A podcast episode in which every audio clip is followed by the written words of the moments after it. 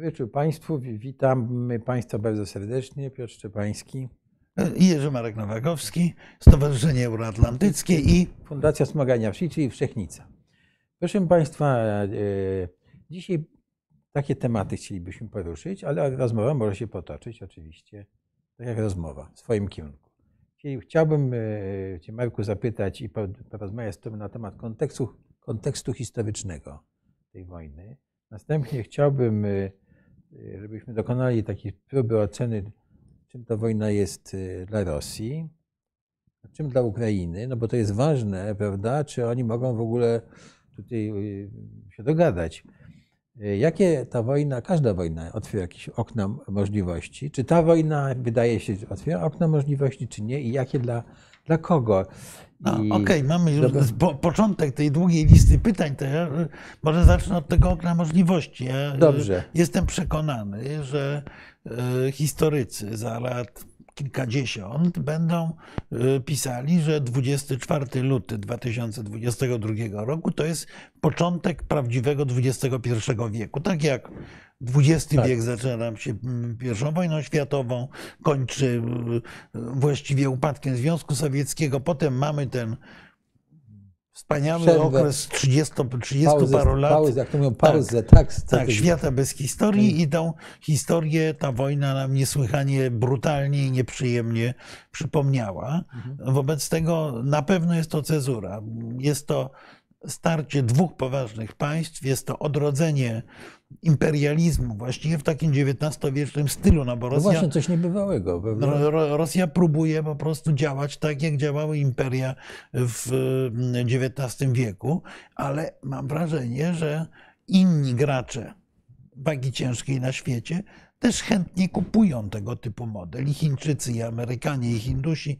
Yy, zdaje się, że doszli do wniosku, że no dosyć tego panoszenia się tych maluchów wszystkich i my tutaj będziemy tym światem zarządzać, a Rosjanie nadają ton, że zarządzamy za pomocą wojennej pałki czy, czy, czy, czy atomowej pałki niestety.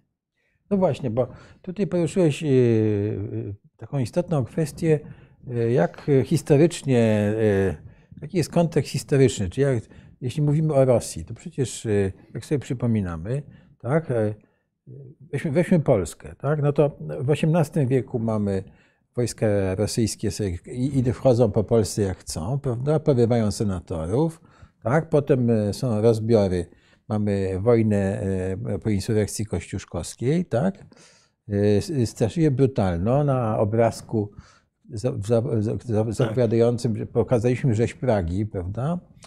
E, Potem mamy wojny na napoleońskie, gdzie Rosja e, jak gdyby odzyskuje e, swoje znaczenie. Tak? Potem mamy wojnę polsko-rosyjską 1830 roku, no też brutalno i mnóstwo... No tak, ale mnóstwo... z punktu widzenia rosyjskiego to nie była duża dobra, wojna. Dobra, ale chodzi o to, że myślenie rosyjskie, na przykład w tej wojnie było tak. Ja ci tu zacytuję Puszkina na przykład, tak? dekabrystę, e, e, tak? do którego Mickiewicz pisał.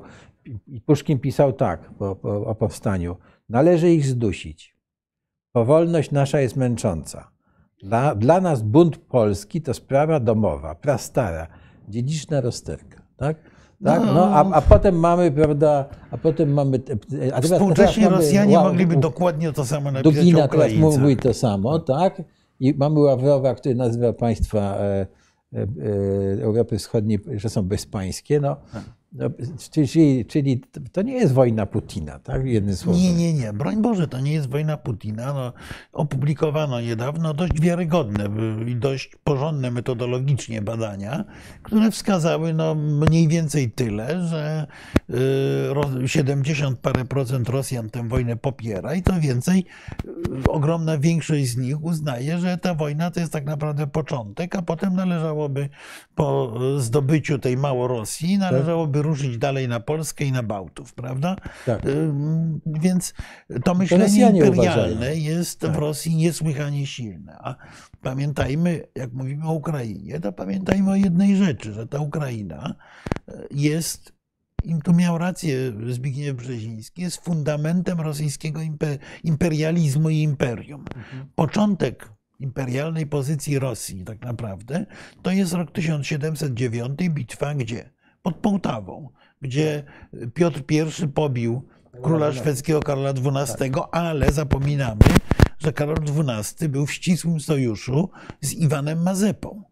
Mazepą, który którego u nas się pamięta głównie z oper i sztuk teatralnych, natomiast który był człowiekiem tak naprawdę No tworzącym fundamenty państwa ukraińskiego Pierwszy- czy państwa kozackiego, jak kto woli. tak.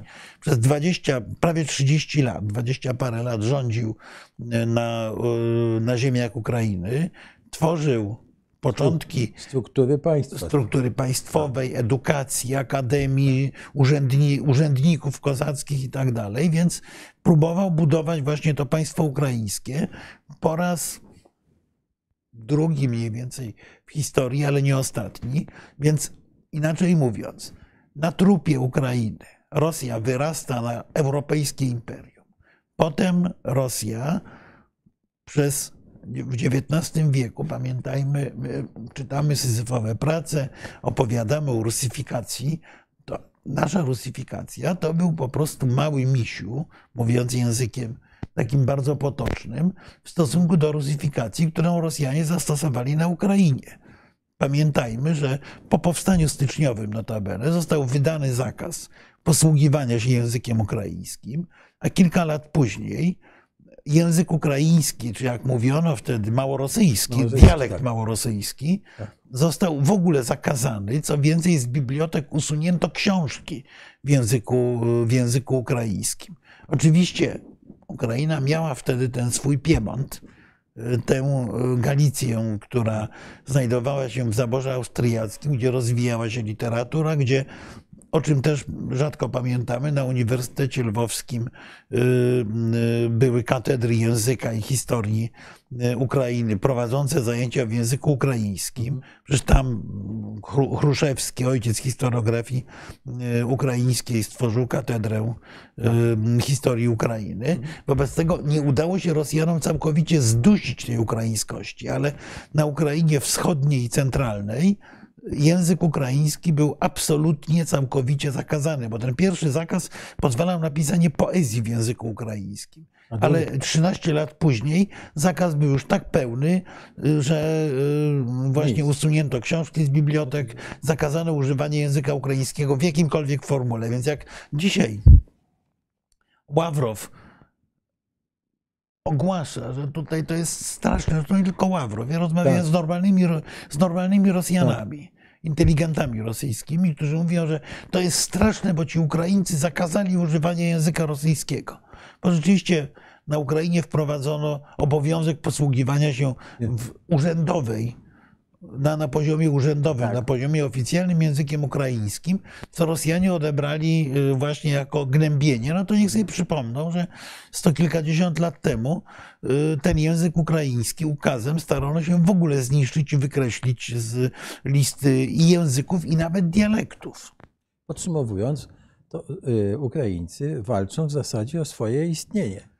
To nie jest tak, że, Ukraińcy że będą... walczą o swoje, y, Ukraińcy walczą o swoje istnienie, dokładnie. Ukraińcy, y, tak, bo, bo y, kolejna fala rusyfikacji może Ukrainę rzeczywiście zniszczyć, wykorzenić i jest to, jest to poważne zagrożenie. Poza tym pamiętajmy, że ta Ukraina była w sposób absolutnie niesamowity, zawsze przeorana różnymi wojnami, konfliktami. Ja tak spojrzałem na to, y, jak wyglądał koniec epoki I wojny światowej, kiedy Ukraińcy po raz trzeci właściwie upomnieli się o swoją państwowość. No bo właśnie powiedzmy, jak jest z tą państwowością ukraińską. Otóż de jure po raz pierwszy Ukraina została uznana e, w roku 1658, kiedy podpisano umowę chadziacką, tak zwaną. Niestety ona nie weszła w życie, ale umowę z hetmanem Iwanem Wychowskim po powstaniu Chmielnickiego, po straszliwej rzezi, która tam się odbywała. I y, umowa chadziacka miała Rzeczpospolitą obojga narodów zmienić w Rzeczpospolitą trojga narodów. Czyli y, tworzono księstwo ruskie, czy tam czy ukrainne, które miało być równorzędnym z koroną króle, korony polskiej i Litwą, członem federacji, jaką była pierwsza Rzeczpospolita. Niestety nie weszło to w życie, między innymi dlatego, że y, właśnie Rosja ruszyła do przodu, że Rosjanie siłą wyegzekwowali postanowienia tak zwanej umowy perejsławskiej, kiedy to Bogdan Chmielnicki po porażkach y, swojego powstania oddał Ukrainę Rosji. No i później mamy kolejne. Rzeczpospolita nie była w stanie. Rzeczpospolita już, nie była w e, stanie, w stanie wybronić tej Ukrainy, czy Tak. wywalczyć tej Ukrainy, i wtedy granica, granica Rzeczpospolitej i Rosji jest na Dnieprze, a sam Kijów najpierw zgodnie z pokojem Grzymałtowskiego na dwa lata, a potem de facto, bo nie de jure, na, na zawsze został przekazany w, we władanie Cesarstwa Rosyjskiego. No i to Cesarstwo Rosyjskie, które Chmielnicki wzywał jako patrona prawosławia, właśnie liczył, że ci bracia prawosławni z Moskwy będą opiekunami kozaczyzny, opiek- opiekunami właśnie kozaków, bo, bo pojęcie Ukrainy wtedy co prawda już istniało, ale było rzadko używane. E, Okazało się zupełnie inaczej. No, kozaczyzna, w, mimo że pamiętamy tych kozaków z nachajkami rosyjskich, ale kozaczyzna jako byt niezależny, jeszcze właśnie ratowana potem przez Mazepę, została ostatecznie zniszczona. Takim symbolicznym gestem było to, że Katarzyna II i wojska Katarzyny II zdobyły Sicz Zaporowską, zrównały ją z ziemią i nigdy już to centrum e, kozaczyzny się nie odrodziło. Ym, Kozacy stali się właśnie tymi poddanymi, którzy y, albo po pijanemu demolowali Paryż, albo nachajkami tłumili polskie, czy rosyjskie, czy jakiekolwiek inne demonstracje. Więc powiedz- powiedzmy sobie szczerze, no, całe myślenie rosyjskie od XVII wieku jest myśleniem zorientowanym na to, że Ukraina i naród ukraiński to są Rosjanie, tacy gorsi trochę, bo mówią jakimś dziwnym dialektem, których należy schołdować, pozbawić ich odrębności i zrobić z nich, i zrobić z nich po prostu część wielkoruskiego, wielkoruskiego świata. Tak. Yy, No, przypomnijmy jeszcze tutaj takie ciekawostki, że e, w relacjach pierwsza Rzeczpospolita e, Moskwa, tamtejsza to zawsze było, awantury były ze strony Moskwy, że w Polsce używa się pojęcia Wielkie Ksi- Księstwo Moskiewskie, prawda, a, a upominano się o to, że ma się używać określenia car rosyjski. Tak? Nawet y, któreś poselstwo, już nie pamiętam, które chyba szu- szujskich, y, y, żądało, żeby spalić wszystkie, Rzeczpospolitej Tak. spalić wszystkie księgi, gdzie, jest, gdzie nie ma właśnie cara, tylko jest książę mosk- A to moskiewski. jest jakby, No, to, ja to, jest to ci- zupełnie marginalna rzecz, Tak, ale ale zwróćmy uwagę, co oznacza... Ale, ale co, myślenie, jakie było, Tak, prawda? ale, ale e, zobaczmy, co oznacza słowo carat, bo to jest Tak. z punktu widzenia cywilizacyjnego dla nas dosyć ważne. Otóż e, użycie tytułu carskiego, cesarskiego było zanegowaniem absolutnie wtedy w Europie oczywistej formuły, że jest jeden cesarz. Ten cesarz rzymski narodu niemieckiego, co prawda, nic nie znaczył tak naprawdę, z jakimiś nielicznymi wyjątkami, że to, to od późnego średniowiecza, ale było nawiązaniem do tradycji właśnie tej je- jedności europejskiej, było to, że nikt nie porywał się na użycie tytułu cesarskiego. Że ten, że ten tytuł był przynależny y, jednemu władcy, który był w jakiejś mierze tym kontynuatorem właśnie wielkiej tradycji rzymskiej. Y, I pierwsza Rosja to zanegowała. Potem tę tradycję ostatecznie zniszczył Napoleon. I w XIX wieku, gdzie, z przeproszeniem, gdzie w Europie nie splunąć, to był cesarz. Bo nawet królowa Wiktoria e, była brytyjska cesarzową- była cesarzową cesarzową Indii przecież. tak. No, bo cesarz to jest imperium. Te, warto o tym pamiętać, my teraz wracamy właśnie znowu do, do, do gry mocarstw i do takiego powrotu do tradycji imperialnej. To zaczęli Rosjanie, ale jako żywo nie są jedyni. No, si, si ma przecież Tak. tak. Ale Tutaj y, jesteśmy gotowi chyba już, żeby odpowiedzieć na pytanie, które było pierwsze, o, to- o to, czy są, czy elity, y, jeśli mogę prosić o przewinięcie, czy, y, Czy przyjdzie w Rosji kolejna reformatorów? może No, kiedyś przyjdzie, ale to nie zmieni moim zdaniem e, e, tego. Na e, razie ci reformatorzy są w głębokiej defensywie. Mało tego, jeżeli by byli, to przecież to, to co mówił Putin e, na tym stadionie, to mrozi krew w żyłach. Tak. To znaczy, No, to są e, o- zdrajcy. To są zdrajcy, tak? I, i, i po prostu Znaczy nie, no Putin po raz pierwszy właściwie wszedł w taką retorykę, jakiej używali, kiedyś używał Aleksander III przez krótki czas, ale wszystko carowie mieli jakąś, jakieś poczucie wspólnoty z innymi rodami monarchicznymi Europy, a potem używał Stalin tak naprawdę. Tej, o, o, o tej o tych zdrajcach, o tej zgniliźnie, która wpłynie do zdrowej Rosji z Zachodu, to jest coś okropnego. Natomiast pytanie o, to, o tych reformatorów rosyjskich. Tak. E, Ja sobie myślę, że to jest ogromny kłopot, dlatego że świat od początku lat 90. panicznie boi się jednej rzeczy. Panicznie boi się rosyjskiej wojny domowej. Przecież tak naprawdę Borys Jelcyn ocalił Rosję, a właściwie były Związek Sowiecki, nie Rosję, przed powtórką losu Jugosławii, gdzie toczyła się wyjątkowo krwawa, obrzydliwa wojna domowa. E, I cały czas ten cień tej wojny domowej nad Rosją wisi. A z drugiej strony, ja pamiętam takie spotkanie, które miałem, ja go zawsze wspominam, no bo to, to, to, to, to był niezwykły człowiek, jakie miałem dosłownie dwa tygodnie przed jego śmiercią z Andrzejem Sacharowem. Ja zapytałem Andrzeja Sacharowa, szczeniak byłem wtedy przecież, e, zapytałem Andrzeja Sacharowa, e, w jaki sposób, jak, co zrobić, żeby Rosja była demokratyczna. I on mi wtedy powiedział, że nie będę cytał tego po rosyjsku, zaraz po polsku, że jedyna szansa dla Rosji to jest stworzenie Stanów Zjednoczonych Rosji. Wszedł potem w wywód, że nie można demokratycznie rządzić państwem, gdzie jest dziewięć stref czasowych.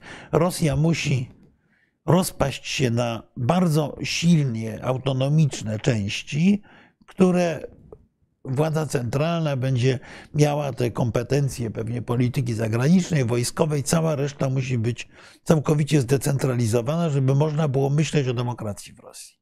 To ja to dokładnie pamiętam, bo on właśnie wtedy powiedział, создать Соединенные Штаты Rosji. I myślę, że jeżeli mówimy o rosyjskich reformatorach, to rosyjscy reformatorzy będą musieli Rosję podzielić. A z kolei podział Rosji jest e, przez cały świat zewnętrzny postrzegany jako zagrożenie. Bo mimo wszystko dzwoni się do Moskwy i mniej więcej wiadomo, co się dzieje. A tu nagle mamy Wiadomo. wpływy chińskie, mamy Nie, no to odpływające się, gdzieś to, to w różnych koniec, kierunkach. Koniec Rosji, takiej jaką znamy. No, taki, No ale byłaby to szansa dla, Ros- dla Rosjan, żeby żyć w normalnym kraju, żeby się bogacić, żeby się reformować i tak dalej. No, nie wiem, czy będą mieli w takim razie taką szansę. W każdym razie ja uważam też, e, czy Nawalny na przykład by zrezygnował z tych ambicji Nie, imperialnych. nie, No Nawalny właśnie, jest jest wielkorusem, też więc. Nawalny jest wielkorusem. Ty, y, mówiąc językiem politycznego cynizmu czy realizmu, jak kto woli, to Nawalny byłby dla nas skrajnie niebezpieczny. Byłby, znaczy, mówiąc o Nawalnym, możemy powiedzieć tak, oczywiście mielibyśmy wtedy Rosję reformującą się, demokratyzującą się, ale imperialną, czyli mielibyśmy to, czego panicznie obawiał się Józef Piłsudski w roku 1920. Prawda? Piłsudski przecież znał tych bolszewików, znał Lenina, znał większość tych rosyjskich rewolucjonistów i wiedział, co to są za dranie. Ale Był nimi na uznał, ty, czy można powiedzieć. tak, Tak, ale uznał, że oni są mniejszym niebezpieczeństwem, dlatego że odrodzenie Rosji carskiej, bo Piłsudski podjął, krótko mówiąc, decyzję, wstrzymuje ofensywę wojsk polskich, w momencie, kiedy armia Denikina odnosiła największe sukcesy. Kiedy armia Denikina szła na Moskwę i wydawało się, że bolszewizm upadnie. Tak. Piłsudski nie wsparł Denikina, e, nie wsparł e, Białej Rosji wtedy, bo wiedział, że ta Biała Rosja zostanie natychmiast uznana przez świat zachodni za partnera dużo cenniejszego i ważniejszego niż Polska. I y, Nawalny byłby do, dokładnie tym samym, czym y, rządy Denikina, Kiereńskiego, ja wiem, y, demokraty akceptowanych przez świat zachodni, lubianych przez świat zachodni przywódców na terenie Rosji, czyli krótko mówiąc, byłby dla nas realnym zagrożeniem, bo z drugiej strony on, zresztą każdy demokratycznie wybrany przywódca, rosyjski nie może abstrahować od tego, co myślą zwyczajni Rosjanie. A zwyczajni Rosjanie myślą sobie, że ważniejsze, żeby świat się nas bał, niż żebyśmy żyli na takim poziomie jak reszta świata. A i żebyśmy byli uznawani za good guys. Tak, tak, tak. Ale, ale słuchaj, z tego, co tu mówimy, czy z tego, co mówisz, to wynika, że ta Rosja jest naszym przekleństwem, taka czy inna. Tak? Bo, zawsze, bo zawsze będzie e, e, mówiła o tym, prawda, że ci Polacy to są problemem, prawda? Ukraińcy też w ogóle nie mają szans. No, e, za Kaukazie też nie ma szans, no bo zawsze to są ich tereny. Czyli w zasadzie, czy taka, czy inna Rosja, to po prostu jest naszym problemem. Znaczy nie, no, wyzwaniem, no nie, no problemem Rosji jest to, o czym mówił Sacharow. To jest gigantyczne państwo gigant- i państwo, które właściwie może być zarządzane tylko, jeżeli ma być scentralizowane, może być zarządzane tylko w sposób autorytarny. Wobec tego każda władza rosyjska ewoluuje w tym kierunku. Przecież Władimir Putin, przychodząc do władzy 20 parę lat temu, przychodził z pomysłem, że on zmodernizuje, zreformuje Rosję, No, że tak, Rosja będzie krajem nowoczesnego przemysłu i tak tak. dalej. Po czym kolejn, w kolejnych elementach te wszystkie reformy mu się sypały. No i po paru latach dosłownie doszedł do słusznego wniosku, że żeby się utrzymać u władzy, musi wrócić do tego modelu imperialnego. Tutaj y, w pewnym momencie y, pani y, postawiła, po- po- postawiła tezę, że Putin nie jest wieczny.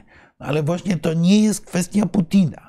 To nie Tak. jest tak, że jest jakiś, tego tak, że jest jakiś patologiczny y, przywódca, który, y, który jak odejdzie, to będzie świetnie. Nie. Problemem jest To, Rosja. to prostu. wymaga jak- głębokiej. Znaczy Rosjanie mówią, y, że oni chcą denazyfikacji Ukrainy. To oczywiście jest po pierwsze głupie, po drugie obrzydliwe. Natomiast tak naprawdę Rosji jest potrzebne to, co było zrobione w Japonii, we Włoszech, w Niemczech po II wojnie światowej, czyli jest Rosji potrzebna deimperializacja.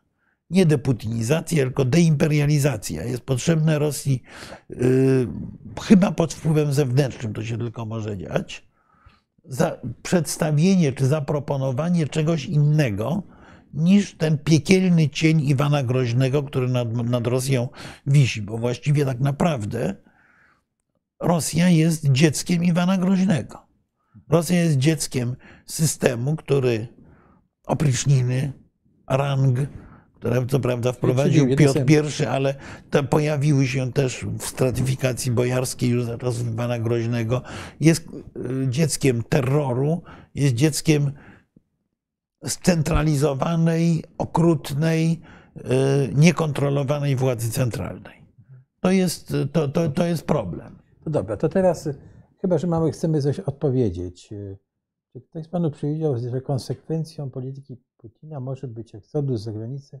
Nie może być, bo tej klasy średniej jest Nie po ma, pierwsze tak. za dużo, po drugie, yy, po, po, po, po, dru- bo może być eksodus części rosyjskich, rosyjskich bardzo zamożnych ludzi, wyższej klasy średniej czy, czy, czy klasy bogatej. Natomiast części elit intelektualnych, które już nie znoszą tej dusznej atmosfery które częściowo wyjechały zresztą, mm, a czy to może być gwóźdź do trumny gospodarki Rosji? Może. To znaczy, ja bym powiedział coś innego, że to, co zrobił Putin, to, co zrobiła Rosja w tej chwili, e, atakując Ukrainę, na dodatek w sposób e, partacki, a do tego pewnie jeszcze wrócimy, to jest. Zresztą to w języku rosyjskim też jest politycznie jest powtarzane. Wstanie z kolan. Rosja wstała z kolan w ten sposób, że napadła na Ukrainę, a stała się jednocześnie satelitą chińskim, że stała się krajem, który będzie tak naprawdę chińską kolonią. Nie dlatego, że jak często się mówi, że Chińczycy wiesz, napłyną nas na Syberię. Napłyną też, ale to nie No, jest to nie jest istotne. tak. Natomiast dlatego, że w tej chwili y, Chiny są dla Rosji jedyną nadzieją. Są krajem gospodarczo dużo silniejszym. Są krajem, No. który traktuje Rosję wyłącznie jako zaplecze surowcowe, jako gospodarkę peryferyjną, a w momencie, kiedy Rosja się odcina od Zachodu, to właściwie pozostają tylko, jej tylko te Chiny, które w języku już publicznym, w wypowiedziach publicznych mówią o Rosji, że to jest młodszy brat Chin. Młodszy brat w chińskim języku politycznym oznacza kolonię. Więc no, Rosja uzależnia się całkowicie od mocarstwa chińskiego i y, rojenia imperialne kończą się tym, że, ten, że to rosyjskie imperium będzie imperium podległym Chinom. No, No, jeżeli y, tego to- chcą, to jest Jasne, wybór. ale to chwyćmy tutaj byka za rogi od razu, jak już e, jesteśmy przy tym, to pod, spróbujmy podsumować e, spotkanie, czy tę rozmowę telefoniczną pomiędzy Bidenem a Xi. I co ona oznacza dla Rosji, bo nie wiem, czy zwróciłeś uwagę, że dzisiaj czytałem ten komunikat, czy oświadczenie ministerstwa, czy nawet samego Ławrowa, prawda, że Tak. sojusz jest silny między Chinami a Rosją, że jest e, tak jakby... Ale Chińczycy, ale Chińczycy też nie chcą e, jednoznacznie stanąć po stronie Rosji. Tu padło parę ciekawych pytań o te historyczne rzeczy i o ewolucję Rosji, zaraz do nich będziemy wracali. Natomiast e, kwestia chińska jest niesłychanie ważna, dlatego że Chińczycy oczywiście lawirują. E, Biden powiedział prawdopodobnie, przynajmniej tak twierdziła rzeczniczka, która wiła się na konferencji prasowej, żeby nic nie powiedzieć. tak, tak. E, Biden powiedział e, prezydentowi Xi Jinpingowi, jakie są powiedzmy amerykańskie czerwone linie, czego, jak Amerykanie zareagują na wsparcie e, Rosji przez Chiny. Komunikat chiński z kolei mówi o tym, jakby go odczytywać językiem politycznym, komunikat chiński powiada, że e, będziemy chcieli handlować Rosją za Tajwan, bo Tajwan nie pojawia się w żadnych informacjach amerykańskich, pojawia się natomiast w komunikacie chińskim niemal jako równorzędny wobec sprawy ukraińskiej. Natomiast Chińczycy, no to też warto zwrócić uwagę, nie zakazali u siebie słowa wojna. Przekazy, łącznie ze zdjęciami zniszczonego teatru w Mariupolu, pojawiają się w chińskich mediach państwowych. Jakby coraz częściej podobno. E, więc Chiny próbują zachowywać e, pozycję życzliwej wobec Rosji neutralności w całym tym konflikcie, bo Chiny zorientowały się co do jednej rzeczy.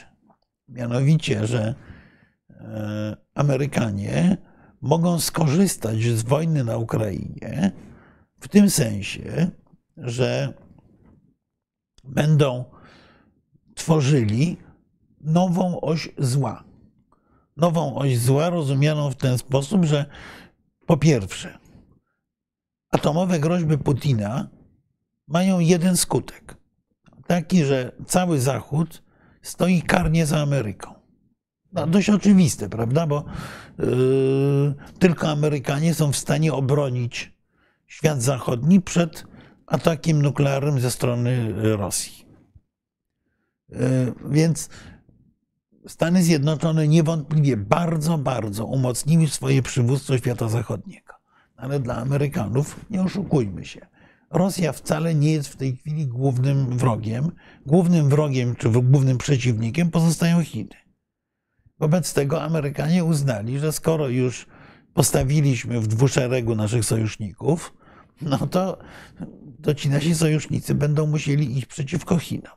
No ale musimy mieć jakieś argumenty.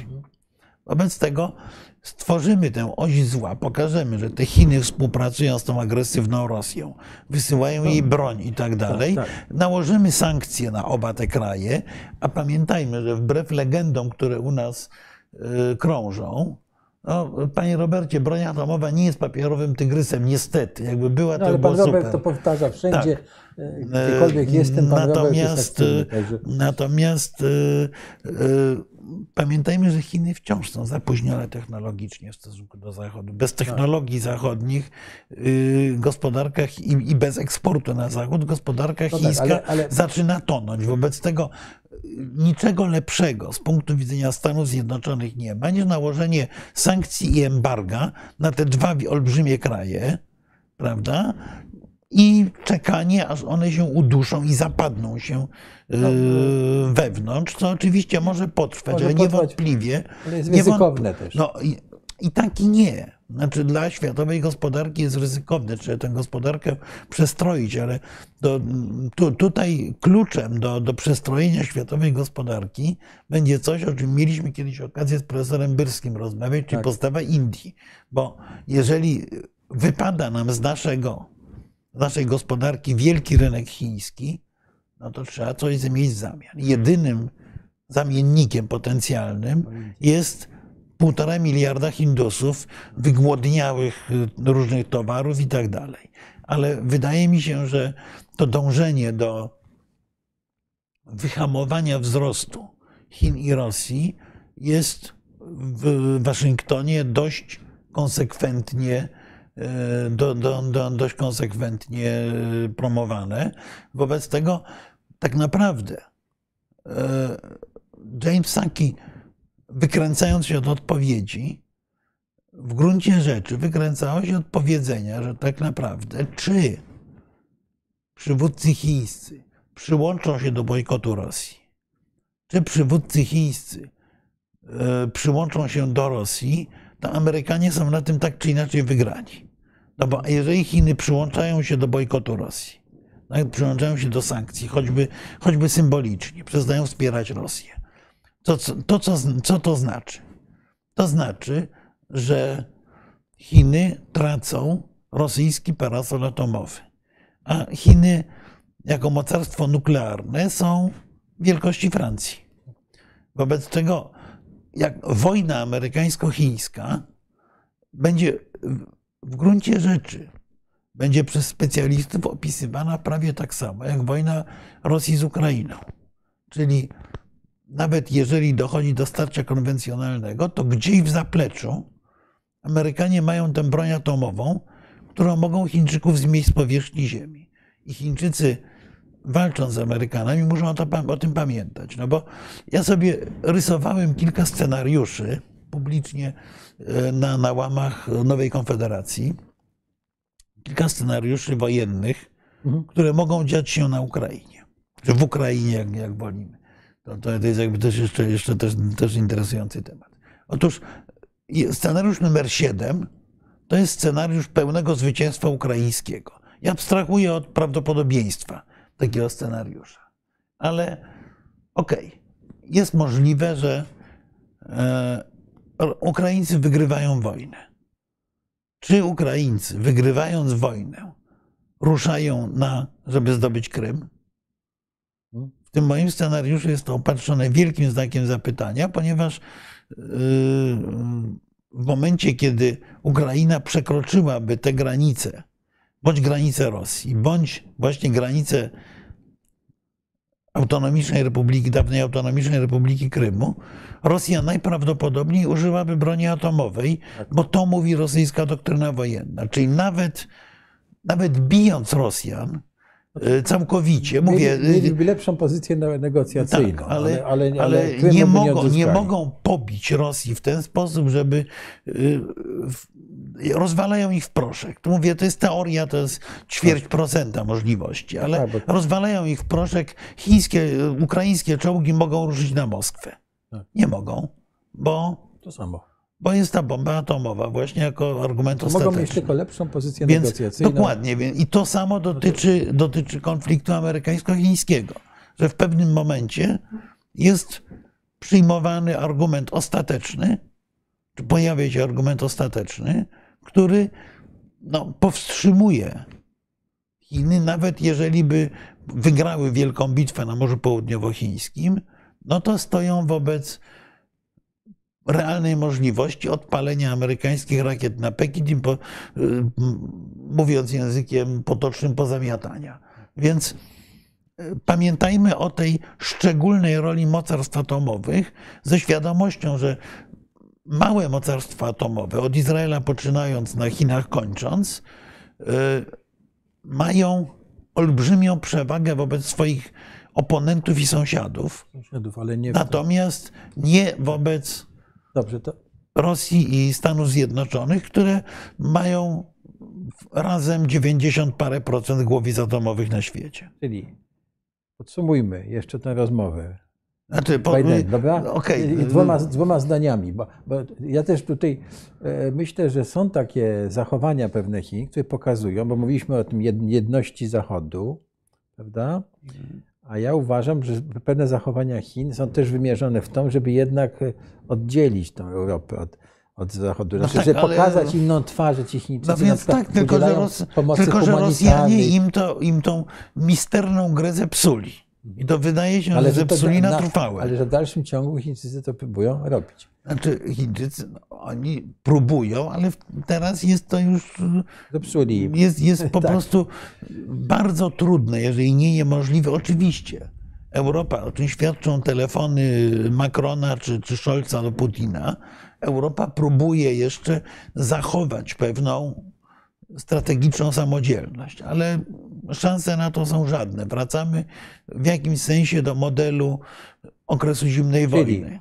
podsumowując, rozumiem, że to sp- spotkanie w zasadzie e, nie, e, zakończyło się, ta rozmowa zakończyła się niczym, przy czym wcale nie jest tak, że, że, że e, ktoś jest przegrany tutaj, prawda? Że Znaczy nie, no, mogą być przegrani Chińczycy. Znaczy Amerykanie postawili Chińczyków przed diabelską alternatywą. ja, ja rozumiem, bo, bo jednak jest, są takie komentarze, które mówią, że Amerykanie dostali psztyczka w nos, tak? Więc e, No ale to są, sensie.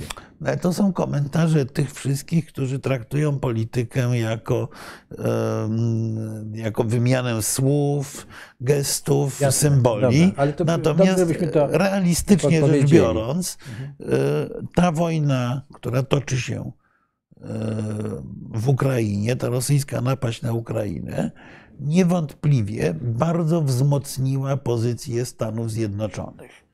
Bo, bo właśnie zdyscyplinowała sojuszników. Zresztą Ale- ale popatrzmy, posłuchaj. jak to wyglądało w latach 50., kiedy było potężne zagrożenie rosyjskie, sowieckie. Tak. To powstało NATO, powstała Unia Europejska, powstały wszystkie organizacje, które nijak nie kwestionowały przywództwa amerykańskiego. No bo tylko Ameryka była tym partnerem, który mógł ochronić nas przed najazdem Stalina, Chruszczowa, Breżniewa. I potem stało się coś, co Fukuyama nazwał końcem historii. Taki przemiły antrakt, kiedy się poczuliśmy tak świetnie, Tak, spokojnie. się zaczęli budować Żadnej domy, wojny. kupować samochody. O, tak, o, Tak, o, o, rzeczywistości, o sile państwa decyduje Wiesz, jego gospodarka, handel. Jak tym- Super. Jak o tym mówisz, to Rosjanie przypomnieli, a nic z tego. O sile państwa decydują bomby i samoloty. jak mówisz o tym, to też y, w czasie kryzysu kubańskiego, który no w tej chwili mówi, że to był kraj świat na krawędzi wojny. No nie był świat na krawędzi wojny. Wydawało się, że jest na krawędzi wojny. E, e, No to nawet wtedy Zachód się zjednoczył, bo po, jak się przeczyta pamiętniki No. Roberta Kennedy'ego, Tak. jak on dzwonił do De Gaulle'a i. I De Gaulle natychmiast podniósł słuchawkę i, i, i wiesz, ten zbuntowany De Gaulle natychmiast stanął po, po stronie Zachodu nawet. Także Zachód się jednak potrafił wtedy jednoczyć, być może teraz. Ale czy ten, e, to zjednoczenie Zachodu, czy Europy, prawda, czy ono będzie trwałe, czy myślisz, że jednak ci Niemcy zaczną się znowu wyłamywać? No bo wiesz, Znaczy, wojna, wojna mogą, się toczy. Mogą tak, e, zacząć kombinować, prób, w cudzysłowie, próbują kombinować, natomiast no, y, realia w postaci armii, postaci nagiej siły są takie, jak, jakie są, więc y, y, oczywiście będą próby dogadywania się na, na boku pod stołem z Rosjanami, z Chińczykami, tylko, tylko te próby, o ile będzie kontynuowana, a w wypadku sankcji, w wypadku jednak pewnej blokady gospodarczej będzie kontynuowana agresywna polityka Rosji i Chin, to te luki, przez które będzie można się przeciskać, będą coraz mniejsze. No, przypominam, że tak, de Gaulle próbował też prowadzić jakąś swoją politykę samodzielną w, wobec Związku Sowieckiego. No i co z tego? No to, ta samodzielność sięgała pewnych granic. E, przypominam, że e, jak komuniści mieli e, ogromną szansę, żeby uzyskać władzę we Włoszech w pewnym momencie, no to wystarczyło lekkie tupnięcie wuja sama, zjednoczyły się wszystkie pozostałe siły polityczne, żeby tego nie dopuścić. Nie dlatego, że Włosi nie mieli na to ochotę, bo oni może, może i mieli. Natomiast y, ponieważ układ był taki, jaki był, to, to, to, to, to nie było o tym mowy. No ja pamiętam, jak myśmy rozmawiali w y, korytarzach czy gabinetach rządu premiera Buzka, jak wchodziliśmy do NATO, że e, wejście Polski do NATO ostatecznie zamykało możliwość realnej recydywy komunizmu. Dopiero wtedy. Właśnie dlatego, że, że ten nacisk zewnętrzny nie pozwoliłby na, nie pozwoliłby na powstanie, na powstanie tego typu modelu władzy. Jestem bardzo ciekaw, jak Y, będzie wyglądał ten nacisk zewnętrzny, na przykład w wypadku Węgier, y, które pod władzą Wiktora Orbana się próbują wyłamać z jednolitego sojuszu zachodniego. Zwracam uwagę, że ponieważ dość podobną do Węgier miejscami politykę próbowali prowadzić Bułgarzy. Tak. I próbują nadal. Otóż dostali właśnie taki delikatny sygnał, że na wniosek europejski właśnie został zamknięty były premier Bojko Borysow. Premier przez kilkanaście lat wcześniej bardzo popularny Mer Mersofi. Tak. Właśnie został aresztowany. Prawda, za przekręty finansowe, ale na wniosek, y, na wniosek y, europejski. Yy, za defraudację tam 20 paru milionów z funduszy, z funduszy Unii. No 20 paru milionów, haha. To wiesz, to, nie, nie, no to deta, detalista no, ale, ale słuchaj, dobrze, teraz jeszcze raz y, chcemy wrócić do pytań, bo mówiłeś e, tak. tam o tych kozackich. Czy możemy przewinąć e, jeszcze to, bo chcielibyśmy wrócić do tej kwestii kozackiej, mówię, żeby zauważyć No tak, tak, bo tam w pewnym momencie pada taka, taka opowieść, że e, pada takie pytanie, czy, czy, czy Rzeczpospolita, gdyby stała się Rzeczpospolitą Trojga Narodów, to byłaby europejskim supermocarstwem. Być może tak. Być może tak, niewątpliwie była to, był to warunek sine qua non. Ale przypomnijmy, że Rzeczpospolita się psuła od środka, tak. prawda? Tak. Że jak, ja kiedyś pamiętam, e, byłem e, na takim spotkaniu e, w Szwecji, w Sztokholmie. Był bardzo wykształcony i miły prezydent czy mer Sztokholmu. No i zaczęliśmy rozmawiać o tym, o tym jak to by było, gdybyśmy mieli Unię polsko-szwedzką. Tak? I on wtedy mówił... No mieliśmy. No mieliśmy, tak. I on mówił wtedy, no, no, no Mówi towarzysz Kopernik chyba, od który zawsze ta moneta gorsza wybiera tak. słabszą, więc prawdopodobnie byśmy Szwecji, Szwecja by miała też polski Sejm. Tak? Rozumiesz? Czyli jednym słowem byśmy popsuli Szwecję. No nie, no to tak. z tym znaczy e, świętej pamięci profesor Gierowski, który był moim, tak. E, moim wykładowcą na Uniwersytecie Jagiellońskim, z kolei mówił coś dokładnie odwrotnego, no. że to zepsucie od środka było wynikiem e, zdemolowania kraju przez kolejne wojny. To znaczy, dopóki istniała ówczesna klasa średnia, prawie nikt. Y, y, demokracja znaczy... dlatego się pojawiła, ta demokracja szlachecka w Rzeczpospolitej, że Rzeczpospolita była właściwie jednym z bardzo niewielu krajów, w którym istniało coś na kształt klasy średniej. Średnia szlachta tam, to Tak, od tak. 7 do 10% populacji, to bardzo dużo była na ówczesną, na ówczesną epokę, stabilizowała system. Otóż wojny, najpierw wojny szwedzkie, potem wojny kozackie i ostatecznie to dobił potop szwedzki, y, de- demolowały państwo i co to znaczyło? Znaczyło, że średni szlachcic, który miał tam kilkanaście wsi, w momencie po przejściu żołnierzy był zrujnowany.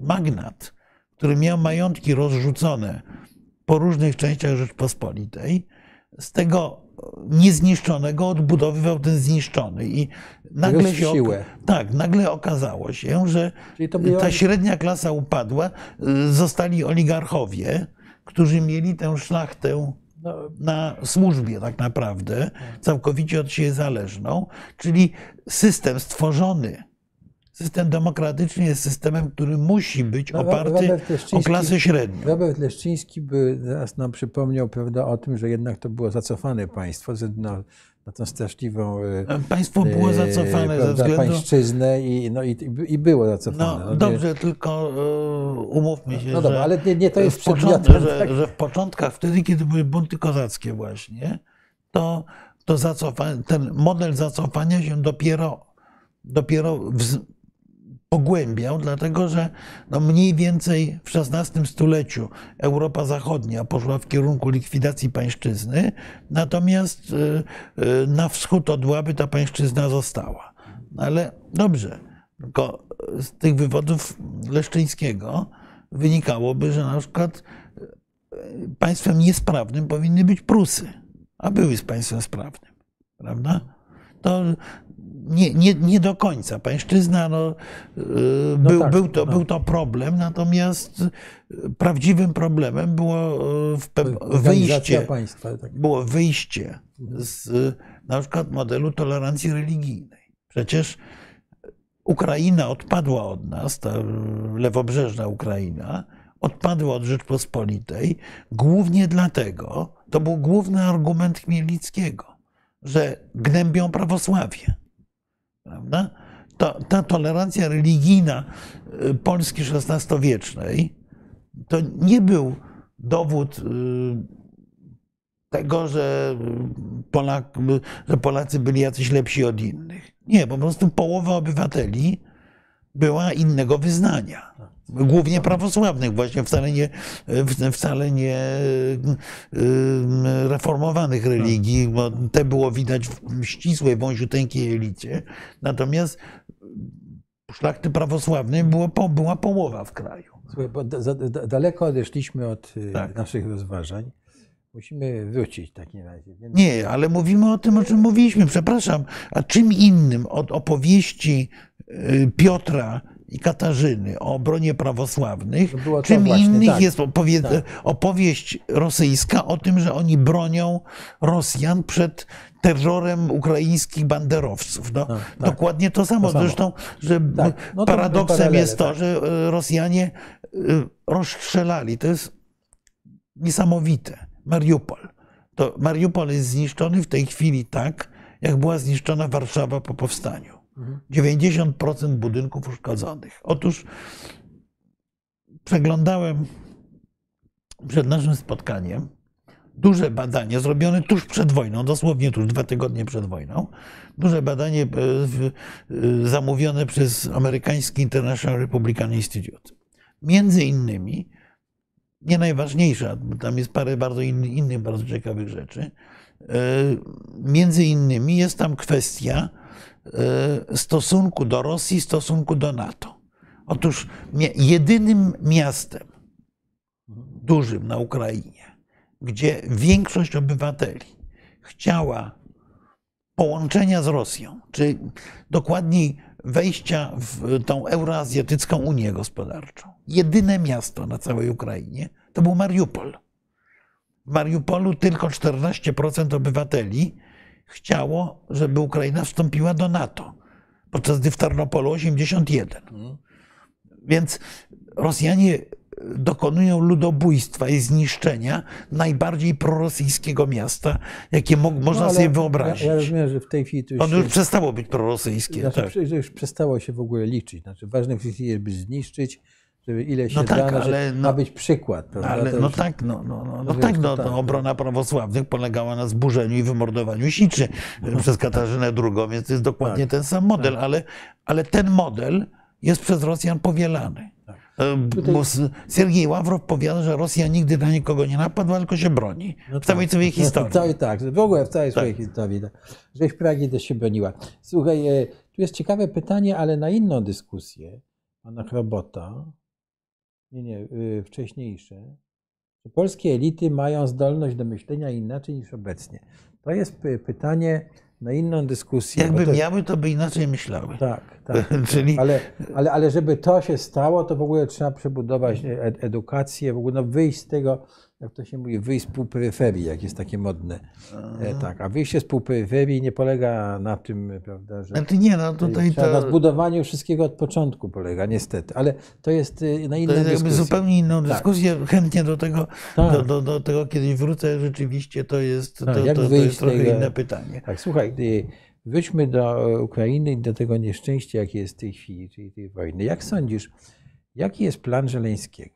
No bo e, wiesz, no mamy. e, e, e, Czy on w ogóle ma jakieś wiesz, możliwości? Rozumiesz, czy ma w ogóle, czy może w ogóle wiesz. No on się, on wyrósł nieprawdopodobnie. Tak, ale ja to- to- zbudował ja to rozumiem, tylko chodzi jako o to- polityk, a czy, ma, czy, czy Ukraina ma jakieś możliwości, tak, rozumiem? tak, o tym mówię, prawda? No, Czy, Myślę, że tak. To znaczy Ukraina odniosła już jedno ogromne zwycięstwo.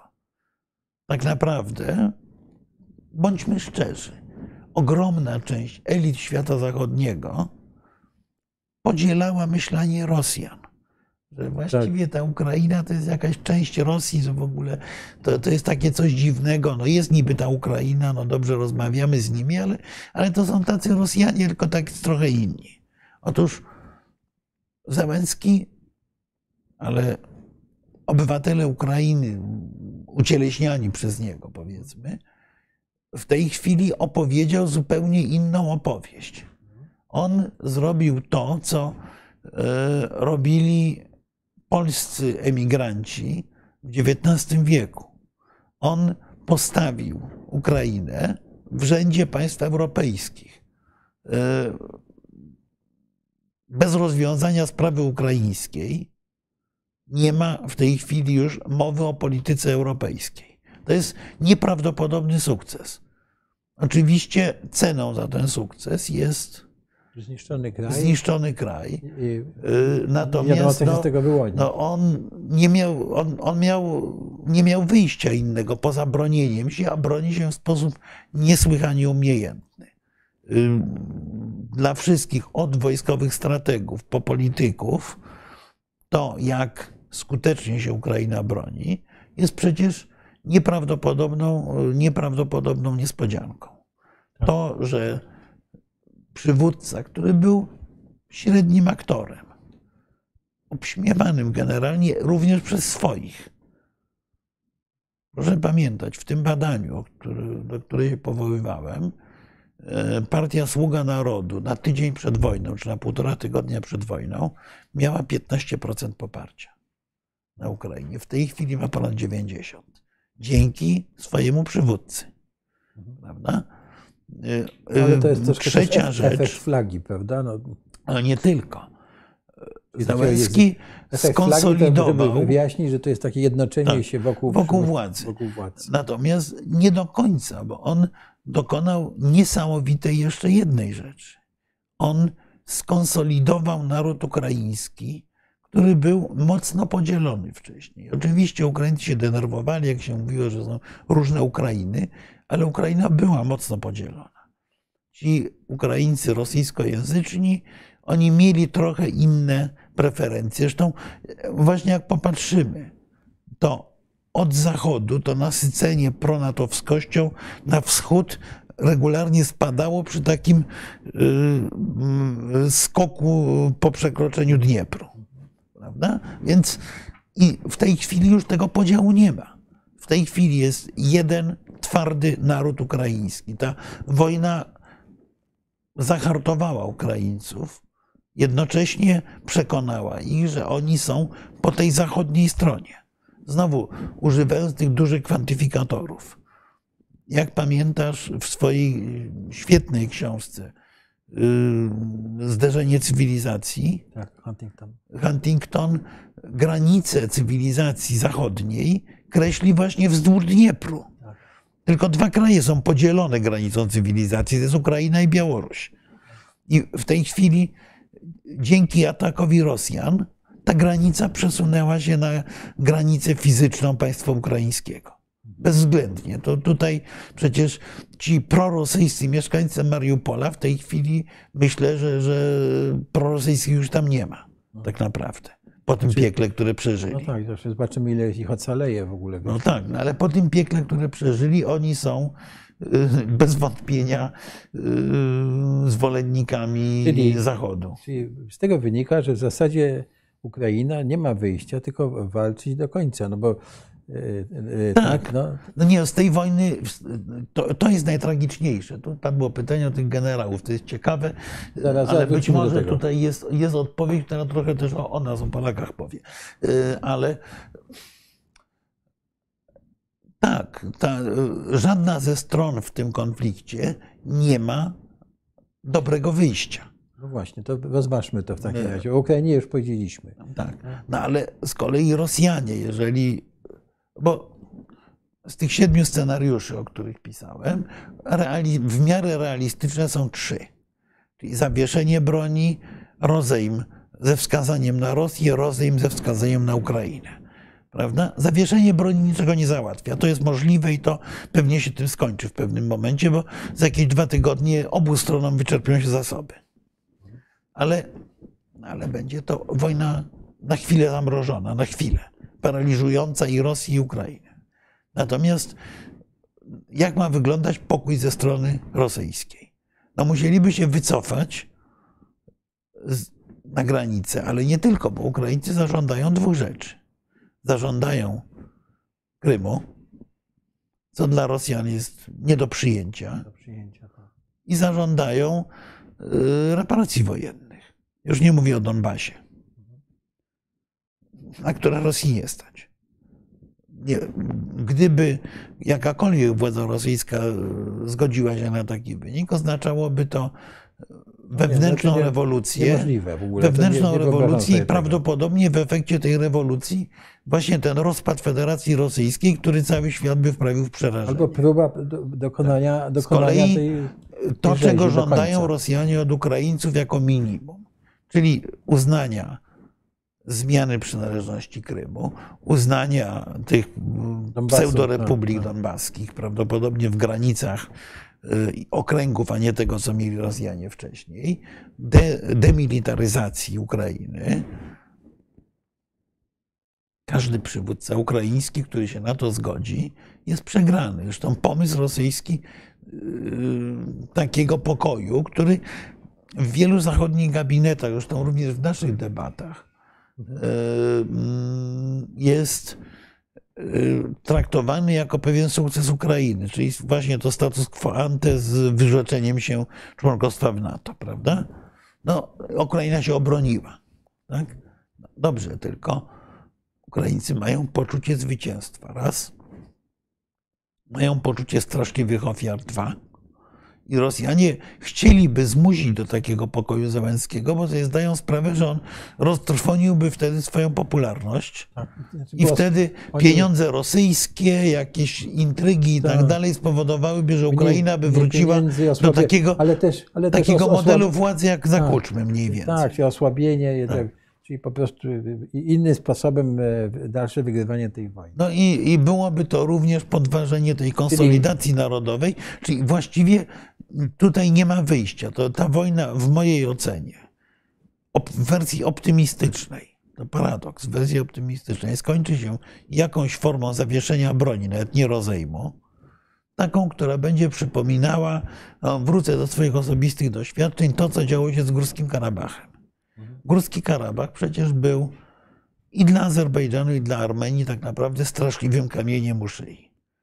Bo cała polityka obu tych krajów koncentrowała się wokół tego malutkiego kawałka ziemi, y, gdzie codziennie dochodziło do strzelanin, gdzie ginęły setki ludzi, gdzie Azerbejdżan to wytrzymał, Armenia mniej, y, y, powodowało kompletną ruinę Armenii. Armenia była krajem zbiedniałym, bo połowę swoich pieniędzy wydawała na wojsko, prawda?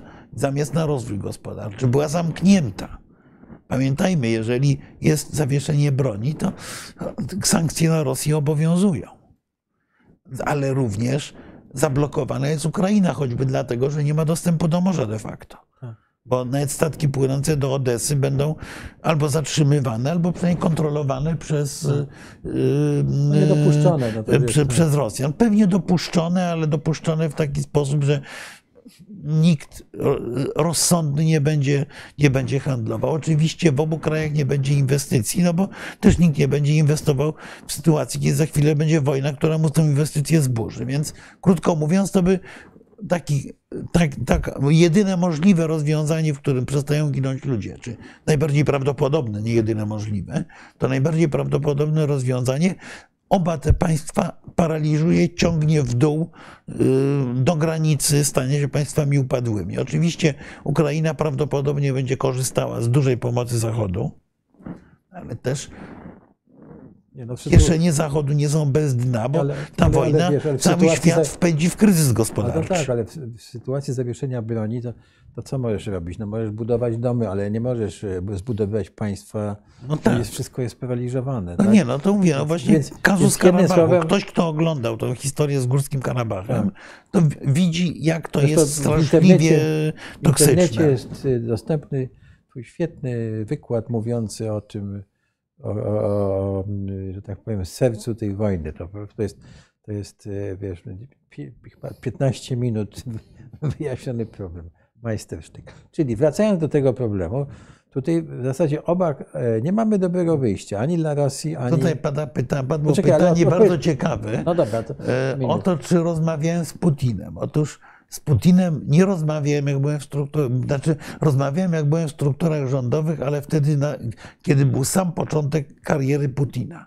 E, Czyli 30 parę lat temu miałem jedyną długą rozmowę z Władimirem Putinem i moje wrażenie było takie, że rozmawiam z antykomunistą, że rozmawiam z wielkoruskim nacjonalistą i rozmawiam z człowiekiem, który ma ego trzykrotnie większe od własnego rozmiaru. No nie jest on może największego, na, na, na, na największym y, wzrostem człowiekiem.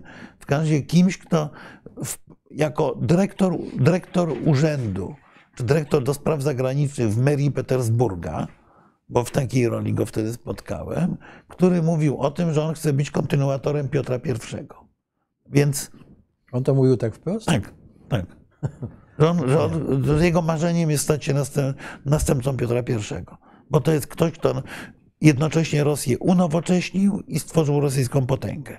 On wtedy mówił, No, jak, bardzo, jakie jak- są jak- warunki. Także miałem okazję Nie do bardzo. rozmowy, ciekawy rozmówca, rozmówca wykształcony, z dużą znajomością historii, oczywiście interpretowanej tak, jak mu się to podoba. Yy, mm, A czy jest zamknięty w sobie, czy otwarty?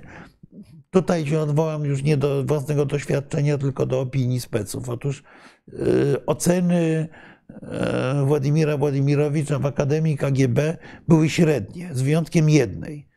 Miał celujące z werbunku. Wobec tego Umie dobierać... to czy, ludzi. to, czy jest zamknięty, czy otwarty, zależy od tego, jakie chce wrażenie zrobić na swoim rozmówcy. Oczywiście po 30 latach sprawowania tak gigantycznej władzy jest to inny człowiek, więc, Tak. więc to doświadczenie jest bardzo ograniczone. Słuchaj, chciałem ci jeszcze, y, żebyśmy, żeby ci zapytać o to, żebyśmy to spróbowali to e, powiedzieć. Jeszcze wracając do Rosji. Czym jest ta wojna dla Rosji w takim razie? Bo powiedz- powiedzieliśmy sobie, że no nie ma dobrego wyjścia, że po prostu ten pokój jest, nie wiadomo jak go zażyć. Znaczy, czym jest ta musi- wojna dla Rosji? Błędem, e, mówiąc ale tak najkrócej. histo- historycznie- rzecz biorąc, to to e, ja e, trochę szyderczym powiedział, że Władimir Putin marzył o tym, żeby być nowym Piotrem Wielkim, a wydaje się, że będzie nowym Mikołajem II, czyli tym, kto był grabarzem imperium, a nie jego twórcą. A Mikołaj II, to ostatni car Rosji, w 1904 roku powiedział swoim współpracownikom, że Rosji jest potrzebna mała zwycięska wojenka. No i zaczął wojnę z Japonią, która była początkiem końca Imperium Rosyjskiego. Otóż myślę, że wojna z Ukrainą miała być dla Władimira Putina małą zwycięską wojenką. Proszę Państwa, wojna zaczęła się o 5 rano we czwartek. Telewizja rosyjska zapowiadała na niedzielę wieczór orędzie prezydenta. W, na jednym z rosyjskich portali rządowych, który ma swoje klony w byłych republikach, w wersji uzbekistańskiej ukazał się artykuł, który opowiadał o zwycięstwie Rosji i o przyłączeniu historycznych ziem małorosyjskich do, do, do, do, do państwa rosyjskiego. Zdjęto go bardzo szybko, ale no screeny i, i, i kopie tego tekstu krążyły po świecie. Czyli krótko mówiąc, wizja rosyjska była taka, że armia Federacji Rosyjskiej wkracza na Ukrainę w ciągu mniej więcej 72 godzin. Zajmuje Kijów, instaluje prorosyjski rząd, yy, względnie niskim kosztem wchodzi w kilku miejscach na teren, na teren Ukrainy. Jest sprawa załatwiona. Rosja wygrywa wojnę. Takie jest, było myślenie. Po tym, jak to się nie udało, generałowie obiecali Putinowi, że za dwa tygodnie będzie miał zdobyty Kijów i będzie miał opanowane terytorium do Dniepru. Czyli lewy brzeg, cały, cały lewy, lewy brzeg Dniepru. Trudno nie, nie, nie widzieć analogii historycznych do, do, do pokoju Grzymutowskiego, prawda? czyli tego, co zdobyli Rosjanie na, na Rzeczpospolitej w XVII wieku. Też okazało się, że nic z tego nie wyszło. Więc można powiedzieć tak, że ta wojna jest dla Rosji kompromitacją armii, że ta wojna jest dowodem na kompletnie nietrafioną ocenę możliwości i społecznych, i politycznych, i militarnych Ukrainy, że ta wojna stała się dla Rosji śmiertelną pułapką. Dokładnie tak, jak stała się wojna z Japonią, która też miała być spacerkiem 100, 120 lat temu, teraz 116 lat temu. Jest to wojna, która grozi w sposób realny i bardzo dotykalny rozpadem państwa rosyjskiego, o ile Rosjanie jej natychmiast nie wygrają, a natychmiast ją mogą wygrać tak naprawdę wyłącznie w sposób stosując nieludzki terror i zbrodnie wojenne, ale w odróżnieniu od początku XX wieku ten terror i zbrodnie wojenne nie pozostaną bez reakcji świata.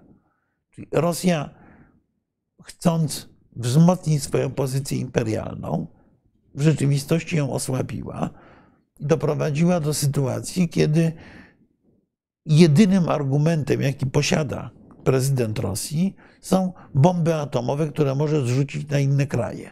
Tylko problem polega na tym, jak to ładnie sformułował Ulech Wałęsa, że Moskwa jest ładnym miastem i szkoda byłoby ją całą zburzyć. Y, więc, no bo tym by się skończyła wojna atomowa. No, a jest takie ryzyko, Twoim zdaniem? Że będzie... Bardzo wysokie. Jest najwyższe chyba w historii y, od y, chyba dłużej niż od kryzysu kubańskiego, od II wojny światowej. Jest, w tej chwili jest ryzyko konfliktu. Obawiam się, że ten konflikt, bo teraz mówiliśmy o tej rozmowie Bidena z Xi Jinpingiem. Tak. Otóż coraz bardziej ta wojna zaczyna być taką proxy war pomiędzy Chinami i Stanami Zjednoczonymi. No, ja tak, z tej rozmowy tak wy, Ja zwracam wynikać. uwagę na jedną rzecz. Naprawdę z Canberry jest bardzo daleko do Kijowa. Bardzo daleko. A Australia, Japonia, Korea Południowa włączają się w cały model sankcyjny, nieustannie wysyłają broń i też stają w tym jednym szeregu z Ameryką. Czyli oni widzą ze swojej perspektywy, że to nie jest lokalna wojenka europejska, tylko że jest to detonator konfliktu dużo, dużo cięższej wagi I od zachowania Chińczyków będzie zależało, czy to się nie przerodzi w pełnowymiarową wojnę światową. Ale oczywiście również od zachowania Rosjan, bo Rosjanie przecież Ukraińcy nam uratowali głowę. Taka jest prawda, bo myślenie rosyjskie, jestem stuprocentowo przekonany, było takie, że po tym blitzkriegu na Ukrainie Tak.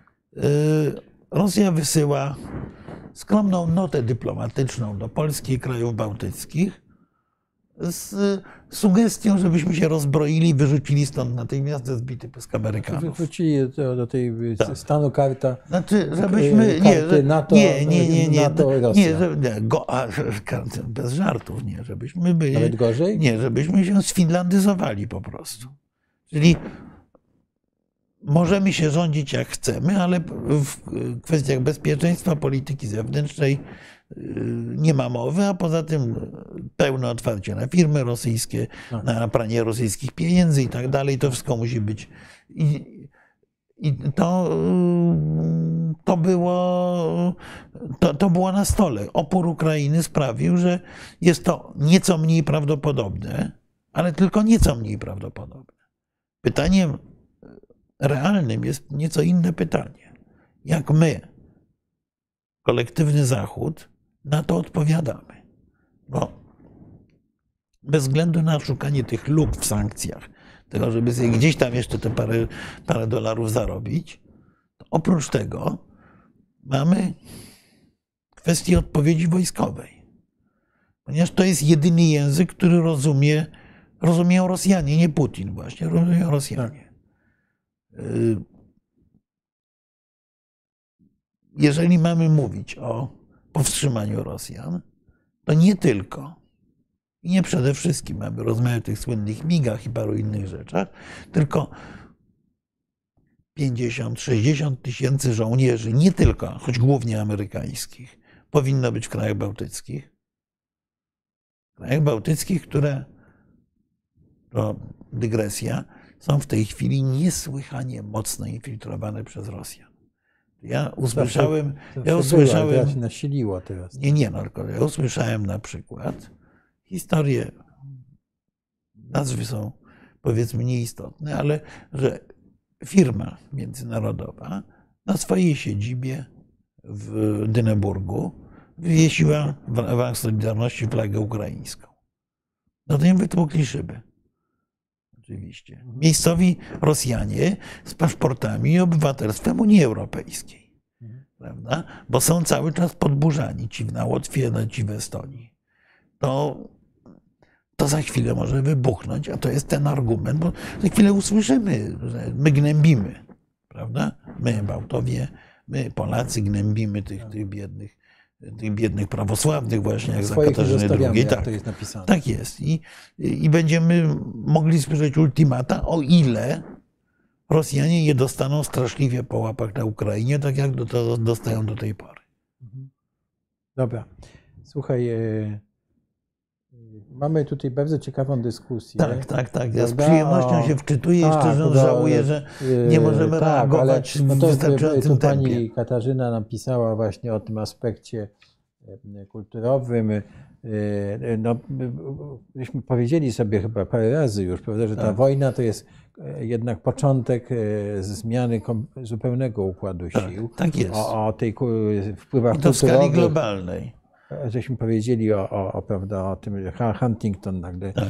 nagle o, ożył, prawda? Znaczy tak, no ja, ja muszę powiedzieć, że go zawsze z przyjemnością czytywałem Tak. i uważałem, że ma dużo racji. Ale oczywiście pani Katarzyna yy, ma rację, że gigant padając pociąga za sobą wszystko w okolicy. tak. Czy świat nie potrzebował Rosji skoncentrować na własnym rozwoju? Jak najbardziej. Absolutnie tak, tylko Niemcy po wojnie się rozwijały, ponieważ przeszły proces denazyfikacji. Rosja Okej. musi przejść proces deimperializacji, musi się w końcu wyleczyć z mrzonek o tym, że świat się ma jej bać. No. Jeśli tego nie zrobi, to będzie to, Rosjanie mają gigantyczne możliwości. Jeśli tego nie zrobią, to będą mają możliwości. ewoluowali w kierunku chińskiej kolonii, która będzie używana przez Chińczyków do terroryzowania y, przeciwników wielkich Chin. Tutaj e, oczywiście będzie tak, że jeżeli Rosjanie ich nie, nie, wyniosą, no to ci u- emigracja młodych Ukraińców będzie nasilona, także niestety y, to będzie źle dla, dla tych terenów i dla kraju. Tutaj, pan, tutaj padło pytanie jeszcze, co z niemiecko-rosyjską przyjaźnią. No, z tą niemiecko-rosyjską przyjaźnią to jest różnie. Raczej, znaczy to było zawsze, od, od czasów Fryderyka Wielkiego. To było małżeństwo z rozsądku.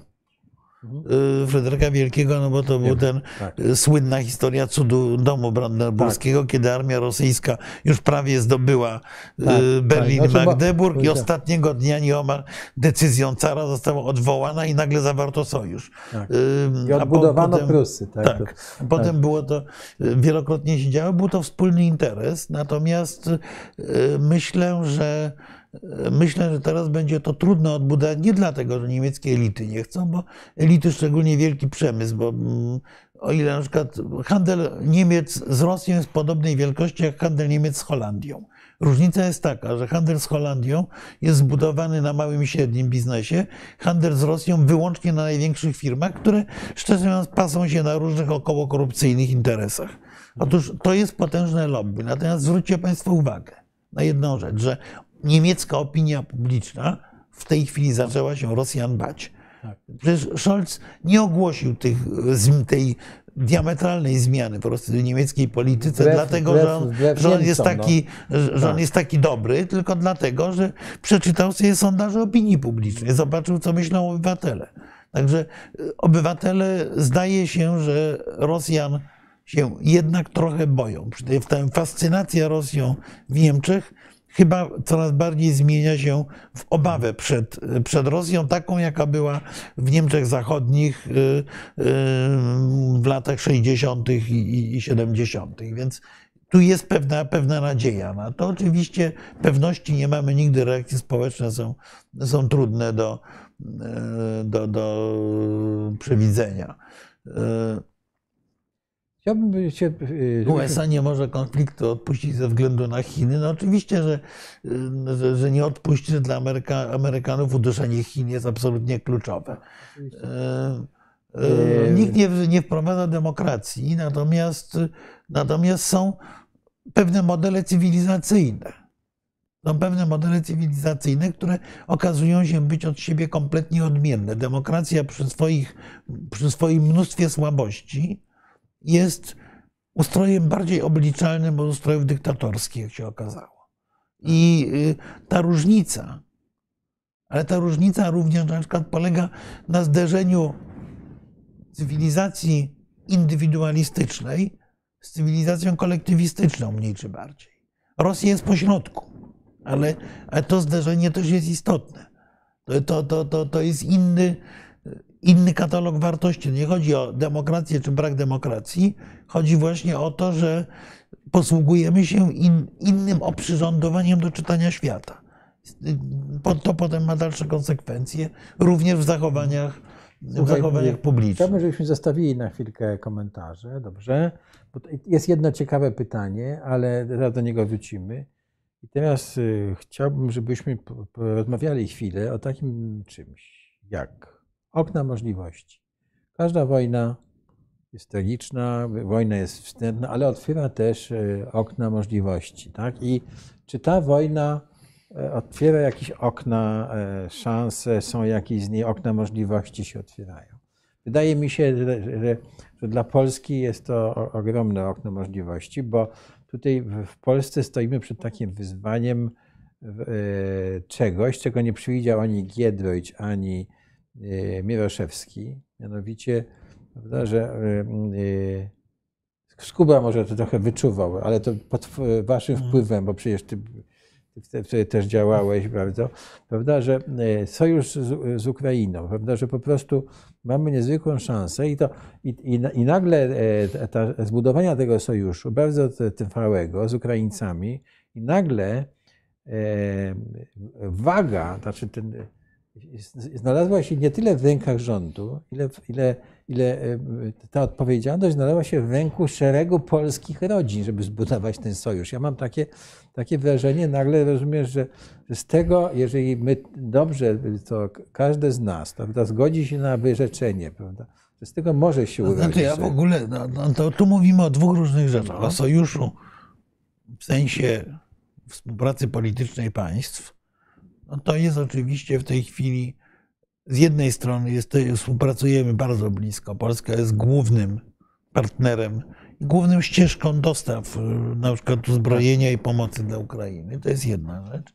Ale druga rzecz jest to, jest taka, że mamy olbrzymią ilość obywateli Ukrainy czy Ukraińców mieszkających w Polsce. Ja myślę, że my powinniśmy się zabrać do solidnej lektury wielu opracowań z okresu międzywojennego, ponieważ my od II wojny światowej jesteśmy jednym z najbardziej monoetnicznych krajów na świecie. I, ale nie jesteśmy, byliśmy. W tej chwili mamy 10% mniejszość ukraińską. I musimy coś z tym pantem zrobić. W specyficznej sytuacji tak. w dodatku. Jeżeli pan minister Czarnek zacznie ich wychowywać, y, tych Ukraińców, bo, bo jeszcze jest nieprawdopodobna zupełnie struktura tej, tej imigracji czy, czy, czy uciekinierów. To są kobiety i dzieci. Tak. Są kobiety i dzieci. Prawdopodobnie oczywiście jak się wojna skończy, to część z nich wróci, a część sprowadzi swoich mężów. Tak. Zależy, jak długo wojna potrwa. Ale, ale jeżeli ich pan Czarnek będzie uczył o Wołyniu i o, będzie im kazał chodzić do kościoła tak. katolickiego, no. to, to się skończy tragicznie, tak jak się skończyło przed wojną zresztą. Tak. I tak jak się skończyło za czasów Wychowskiego, bo to są te. Możemy jeszcze raz powtórzyć te błędy, oczywiście. Tak. Jeżeli natomiast potrafimy tym, którzy będą chcieli w Polsce zostać, zaoferować integrację obywatelską, no to, to dostaliśmy prezent od losu po prostu. Jak mówimy o oknie możliwości, przypomnijmy, cała Europa, ale Polska jako na jednym z pierwszych miejsc, opowiadała o fatalnej dzietności, o braku y, rąk do pracy, o tym, że y, jest klęska demograficzna. Więc Putin nam to rozwiązał przyjechało 700 tysięcy dzieci. Cała luka demograficzna wynikająca z niżu została wypełniona z naddatkiem. Mówię, wedle ocen specjalistów, dwie trzecie, przy pozytywnym nawet rozwoju sytuacji, dwie trzecie tych ludzi będzie chciało zostać. Tak, ale no, to, to, chciałbym tu zwrócić uwagę na jeden y, komentarz czy pytań, że jesteśmy świadkami ogromnej ukrainizacji Polski. Więc znaczy, no, ja nie, ja nie prostu. No nie, proszę Państwa, jak będziemy tak Przed wojną podchodzić, mieliśmy, nie, nie, popełniajmy tego błędu. Przed tak? wojną mieliśmy 9% mamy, Ukraińców, teraz mamy, mamy 10%. Teraz mamy okazję zbudować wśród y, Ukraińców prawda, pozytywny stosunek i nawiązać pozytywne, personalne relacje między nami. To, mamy personalne relacje, mamy relacje one z państwem. Pod, one, one, właśnie będą podstawą tego no, sojuszu. Tak. tak. Znaczy, gdzieś w ogóle w tle pojawia się myślenie Piłsudskiego, pojawia się ta wizja y, nie nowej Rzeczpospolitej, ale jakichś bliskich więzów tych wszystkich krajów, które powstały po upadku I Rzeczpospolitej, bo tu powstała pewna dziura polityczna, wypełniana przez te mocarstwa sąsiednie, przez Niemcy, przez Austrię, Węgry, przez Rosję. Więc pojawia się możliwość y, odbudowy tego. Pojawia się jeszcze jedna rzecz. Pojawia się dla nas, jak mówimy o oknie możliwości. Pamiętajmy, że wielka polska kultura, wielka, wielkość polskiej cywilizacji, myśli politycznej to była kultura wieloetniczna, wieloreligijna, wielojęzykowa. To jest ta tradycja, na której wyrośli wszyscy od Mickiewicza. No to nie no, od, od, od, od Reja, Reja tak. po, przez Mickiewicza aż po, aż po wielkich tak. pisarzy okresu międzywojennego. Tak. zresztą Ostrowskiego i tak dalej. Dokładnie, więc ta, ten nasz genotyp jest genotypem właśnie tego wielonarodowego kraju i to nam nagle Putin podarował w postaci tej ogromnej imigracji napływu uchodźców. To jest szansa, ale oczywiście, oczywiście nie jest to tylko szansa, tylko jest to również e, znak zapytania, jak my się zachowamy, bo niestety jak pisał e, Szpotański, jest ONR-u spadkobiercą pa- partia. Przez kilkadziesiąt lat byliśmy indoktrynowani e, prymitywną wersją ideologii endeckiej, takiej e, głupio-nacjonalistycznej. Więc musimy z tego modelu wyjść, wrócić do tego myślenia, które było myśleniem to- piłsudczykowskim, Ja, między innymi. I to jest wyzwanie dla nas, proszę Państwa, żeby to się odbyło no, w- każdym, w każdej rodzinie, która ma styczność z. Znaczy na razie się to odbywa w każdej rodzinie, ponieważ państwo abdykowało generalnie tak, ale, z ale ja mówię po prostu. organizacji Nie, bo tego. rozumiesz, w tej chwili jest jeszcze, jesteśmy w, w takim jeszcze, tak, e, szwungu, tak? No ale zaczną się problemy, trzeba będzie, będą koszty, trzeba będzie się dzielić. Tak, proszę Państwa, to wszystkie te koszty, jakie poniesiemy, są warte tego e, sojuszu, który możemy zbudować. Tak? My nie mylę się? Myślę, że tak. No to świetnie. Myślę, że tak. To jest. E, Czy mamy jakieś pytania? No tu jest sporo ciekawych, ciekawych wątków, które, które Państwo, to, to, ta hipoteza Giertycha, no oczywiście zostało to opowiedziane zupełnie, znaczy ja bym powiedział inaczej. Giertych nie, nie ma racji, na szczęście, w tej hipotezie o tym, że tutaj, prawda, zdradziecki PiS chce zagarnąć pół Ukrainy, ale to jest połowa prawdy, bo druga połowa prawdy jest taka, że to jest, to jest scenariusz marzeń Rosjan. Tak Oj, naprawdę. To jest marzeń, bo No Władimir Putin. Już, już masz dzisiaj komentarze, już nie wiem, Ławrowa czy kogoś, tak. prawda? Komentarz do tej wizyty, chciałbym jeszcze Tak. chciałbym wrócić, prawda? Że, Ale, że y, chcemy Lwowa, prawda? No tak, to, ale, to pierwsze ale, oznaki, ale że. oni nam ten Lwów dają od kilkudziesięciu lat. A. Y, y, Rozbiór, marzeniem Rosji jest dokonanie rozbioru Ukrainy, bo horyzont zainteresowań Władimira Putina, który on jasno definiował, który dokładnie opisał Władysław Surkow również, ale sam Putin też o tym w gronie swoich współpracowników mówił.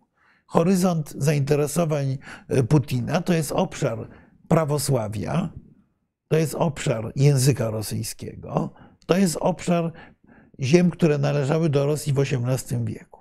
Jak przyjmiemy połączenie tych trzech elementów, to jest to w przybliżeniu obszar sięgający do Dniepru, lewy brzeg Dniepru. Może trochę bardziej na zachód, ale trochę.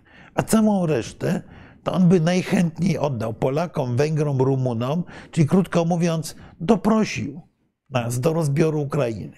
Takie jest marzenie rosyjskie. Na szczęście u nas nie ma chętnych do tego, bo to by było oczywiście samobójstwo w dowolnej formie opisywane y, przez nas, ale na przykład na Węgrzech ta opowieść o tej mniejszości węgierskiej na Rusi Zakarpackiej jest opowieścią rzeczywiście, która trochę niesie Wiktora Orbana, więc y, miejmy świadomość, że agentura rosyjska oczywiście będzie do tego namawiać i miejmy głęboką nadzieję, że y, nikt w polskiej klasie politycznej na lep takich bredni nie pójdzie. No, miejmy nadzieję. Słuchaj, wróćmy jeszcze na chwileczkę do tych, do tych okien możliwości, jakie otwiera ta wojna, bo powiedzmy sobie, że o, dla Polski y, y, otwiera, tak, ale czy dla innych krajów też? Na czy, pewno dla Amerykanów. No to E, No bo. Amerykanie e, wracają nagle na fotel niekwestionowanego przywódcy świata e, demokratycznego. Zachód się, jednoczy. Za- Zachód się jednoczy z oczywistym leadershipem amerykańskim, więc Amerykanie na tym zyskują. A dla Chin?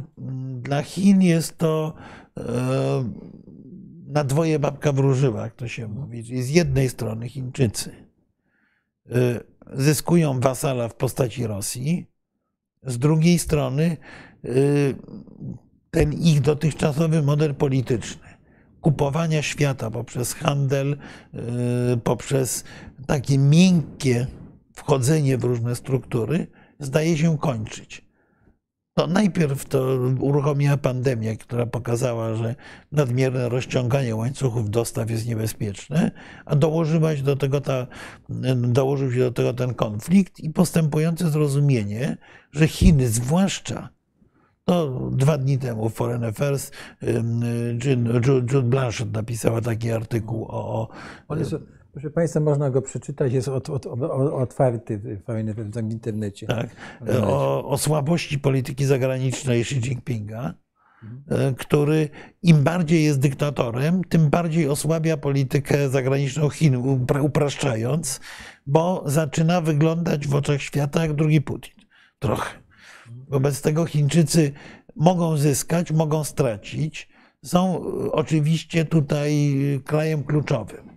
Ale jest jeszcze jeden kraj kluczowy, który na tym może bardzo dużo zyskać, czyli właśnie Indie. Indie, które mogą zająć miejsce No, Chin. Na razie kupują dużo ropy i tanio. No, jak sprzedają, to kupują tanio. Y, Znaczy, Indie mają problem, ponieważ ogromna część uzbrojenia indyjskiego jest kupiona w Rosji. I oni się nie bardzo mogą od Rosjan odciąć w pełni, no bo mogą stracić części zamienne, silniki, wszystko inne do, do, do, do tego sprzętu wojskowego, który mają. Ale z drugiej strony, co też w tej konferencji prasowej Jane Psaki wy- wyszło, Amerykanie nie wyjeżdżają z Indii na szczeblu wiceministrów. Tam jest gigantyczny ruch i gigantyczny wysiłek, żeby Indię do tej naszej części, tej lepszej części świata przyciągnąć. Jest, jest jeszcze w Polityko, a też artykuł, Tak. polecamy Państwu, żeby przeczytać. Natomiast y, Hindusi są y, w sytuacji właśnie tej y, pożądanej panny młodej, bo to jest rynek, to jest partner, który może zastąpić Chiny. Y, Tutaj y, Turcja, no, Turcja jest bokserem wagi średniej, mówimy o wadze ciężkiej w tej chwili. Tak. Turcja próbuje prowadzić własną politykę, ale proszę zwrócić uwagę, y, że y, Turcja w momencie, kiedy zaczęła tę politykę prowadzić nadmiernie samodzielną, to mówiąc językiem znowu szkolnym, dostała po łapach od Amerykanów i coraz bardziej wraca do szeregu. Y, Już nie kupuje następnych rodzajów broni rosyjskiej, już uzgadnia swoje działania na terenie Syrii, czyli krótko mówiąc, marzenie e, prezydenta, Erdo- prezydenta Erdogana, żeby stać się nowym Sulejmanem Wspaniałym, no, żeby odbudować wielkość osmańskiej Turcji, to marzenie się posypało. Turcja nie ma wystarczających zasobów i możliwości na to, żeby grać, odgrywać samodzielną rolę mocarstwową. Ci, którzy tak sądzą, y, są dosyć naiwni. Turcja jest istotnym graczem, między innymi dlatego, że posiada silną armię. a Dzięki dużym wysiłkom Władimira Putina y, kwestia armii stała się jednym z ważniejszych wyznaczników roli państwa, ale z drugiej strony Turcja bez y, parasola amerykańskiego y, nic nie znaczy. A próbuje mediować, próbuje coś ugrać na tym konflikcie rosyjsko-ukraińskim. Nie jest przypadkiem, że miejscem negocjacji czy rozmów ukraińsko-rosyjskich jest Turcja. Owszem, bo jest, próbuje siedzieć okrakiem, ale siedzenie okrakiem przez państwo średniej wielkości, a taką Moskwę jest Turcja, jest y, y, ryzykowne. Także Turcy prawdopodobnie zostaną ustawieni też w szeregu przez Amerykanów. No niestety, ni, niestety, bo, bo opowieści y, piękne Friedmana o tym, że Polska będzie mocarstwem XXI No tak. wieku, chyba y, były Wiesz, trochę wie na wyrost. Ja, jak ja to czytam, to, To było piękne, ma, to było piękne marzenie, ja- oczywiście, ale. Wiesz, to wystarczy Polakom powiedzieć, będziecie Tak, ale na razie- i wszyscy to zaczęli to cytować po prostu. Na, na, na razie nasza armia jest dwukrotnie słabsza od armii ukraińskiej, więc yy, miejmy poczucie proporcji. Wygrywamy na naszym położeniu geograficznym. Wygrywamy na tym, że jesteśmy aktywnym uczestnikiem koalicji. Przegrywamy na, yy, na niemądrym używaniu naszej pozycji uczestnika koalicji wspierającej Ukrainę, bo na tym, na, na, na, na tym możemy, możemy sporo przegrać. Więc y, niestety y, jest tak, jak bo takie piękna notatka e, Stanisława Cata-Mackiewicza, którego inteligencję i błyskotliwość niesłychanie cenię, po e, wybuchu bomby atomowej e, w Hiroshimie. Otóż w takim nie- niedużym artykuliku Cat-Mackiewicz napisał wtedy, właśnie dopełnia się czas likwidacji półmocarstw przez mocarstwa. Mam wrażenie, że jesteśmy świadkami podobnego procesu w tej chwili, który oczywiście odbywa się w, inny, w nieco inny sposób, ale Czyli Tur- Turcja w tym aspekcie. Turcja y, jest krajem znaczącym, ale nie jest, y, nie jest graczem pod, podmiotowym, ponieważ graczy podmiotowych w tej chwili jest bardzo niewielu. Gracze podmiotowi to jest Rosja, Chiny, Stany Zjednoczone, Indie. I jeżeli Europa będzie występowała jako całość, to Europa może być graczem półpodmiotowym ze względu na brak własnej broni atomowej. Chciałbym jeszcze, by- żebyśmy już nie, nie wewnętrznie tak. A, to jeszcze bardzo, ba- Japonia. tak, i tak, to- ale bardzo fachowo, żebyśmy, bardzo tak ekspercko, żebyśmy pode, do tego podeszli i. e, Ale to padło pytanie co ze Szwecją i Norwegią, czy to jest szansa Ale wejścia do NATO. wróćmy do Przypominam, tego. że Norwegia jest ważnym członkiem NATO, Tak. że w tej chwili na terenie Norwegii odbywają się gigantyczne natowskie ćwiczenia, Tak, że tak, Norwegia była tak. jednym z dwóch krajów natowskich graniczących z Sowietami. Granica norweska e, była bardzo mocno e, strzeżona, że Szwecja z kolei, jak Państwo popatrzycie na, zrobiono takie badanie, bardzo ciekawe. Jaki procent obywateli jest gotów do czynnej wojskowej obrony ojczyzny? Mm, Europa i okolice. Z Rosją, z Ukrainą. Y, Czy Państwo wiecie, jaki kraj jest na pierwszym miejscu? 73% powiedziało tak. Finlandia. Na drugim miejscu jest Turcja 72. A na trzecim Szwecja 70. Czyli No, postawy krajów skandynawskich. Oczywiście, myśmy, to jest jeden z błędów rządu polskiego, myśmy powinni wejść w jak najgłębszą współpracę ze Szwecją, Finlandią zwłaszcza w dziedzinie obronnej, w dziedzinie współpracy w budowaniu bezpieczeństwa w Bałtyku. I oczywiście Szwecja i Finlandia, po pierwsze, mają podpisaną umowę o ścisłej współpracy wojskowej obu tych krajów. Po drugie, są bardzo dobrze uzbrojone i bardzo dobrze przygotowane. A po trzecie, ściśle współpracują z NATO. Nawet jak nie są członkami NATO, to ściśle z NATO współpracują, No, a są bliskie w tej chwili decyzji o członkostwie. Tym bardziej, że jak nie wiem, czy widziałeś to, prawda, jak ekspert rosyjski opowiadał w, te, w telewizji, nie wiem, to pewnie jednak głównej, o tym, prawda, jak siły rosyjskie e, e, zajmują Gotlandię i, u, Tak. i zajmują Szwecję. Tak? I Tak z detalami mówił, co będzie się działo po kolei. Oczywiście jako prowokację e, przeciwko Szwedom. No, więc nie, oni, oni już za czasów Stalina próbowali zająć Finlandię. Tak, tak. E, Natomiast e, no my mieliśmy taką szansę, prawda, e, zbudowania tej e, koalicji, takich ściślejszych związków ze Szwecją i to zostało jakoś zupełnie No tak, no, za, zarzucone przecież. że nie- wspólnie ze Szwecją budowaliśmy y, partnerstwo Wschodnie wschodnie. tak Rzeczywiście dalej, tak. mieliśmy, no ale no bo Szwedzi to jest tak jak z tym parlamentem szwedzkim, o którym o tej, tej anegdocie, y, którą wspominałeś wcześniej. Otóż Szwedzi są przywiązani, nawet czasami nadmiernie moim zdaniem, do pewnych wartości y, praworządności i tak dalej, a myśmy z kolei uznali, że ci, którzy bronią praworządności, to są nasi przeciwnicy. No, y, w tej chwili wojna tworzy nie tylko okna możliwości. Wojna jest jak taki reflektor, który oświetla Tak. prawdziwe. Y, Zwracam uwagę tutaj na felieton Michała Szudrzyńskiego w Rzeczpospolitej, który po prostu no, trafia w punkt, mówiąc o, o, o tym, e, o polskich elitach, jak się zachowują w tym aspekcie. Bardzo polecam, bo w internecie jest też dostępny. Proszę A przeczytać. z tym, co pan Przemysław powiedział, że w tych krajach się dobrze żyje i, są, i chcą bronić, no z kolei w Niemczech takich, co chcą bronić, jest około 20%, a też się tam dobrze żyje.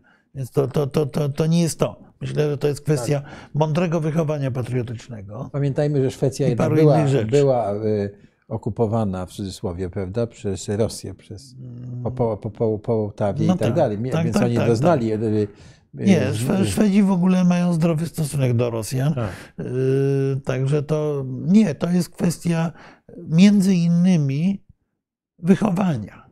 Proszę Państwa, to jest kwestia niesłychanie ważna. Znowu ja pamiętam taką rozmowę sprzed lat, uh, z czasów prezydentury Lecha Wałęsy. Bardzo mądrą wypowiedź Wałęsy, który mi powiedział coś takiego. Rozmawialiśmy przez jakiś czas, doradzałem prezydentowi Wałęsie, rozmawialiśmy coś na temat budżetu obronnego.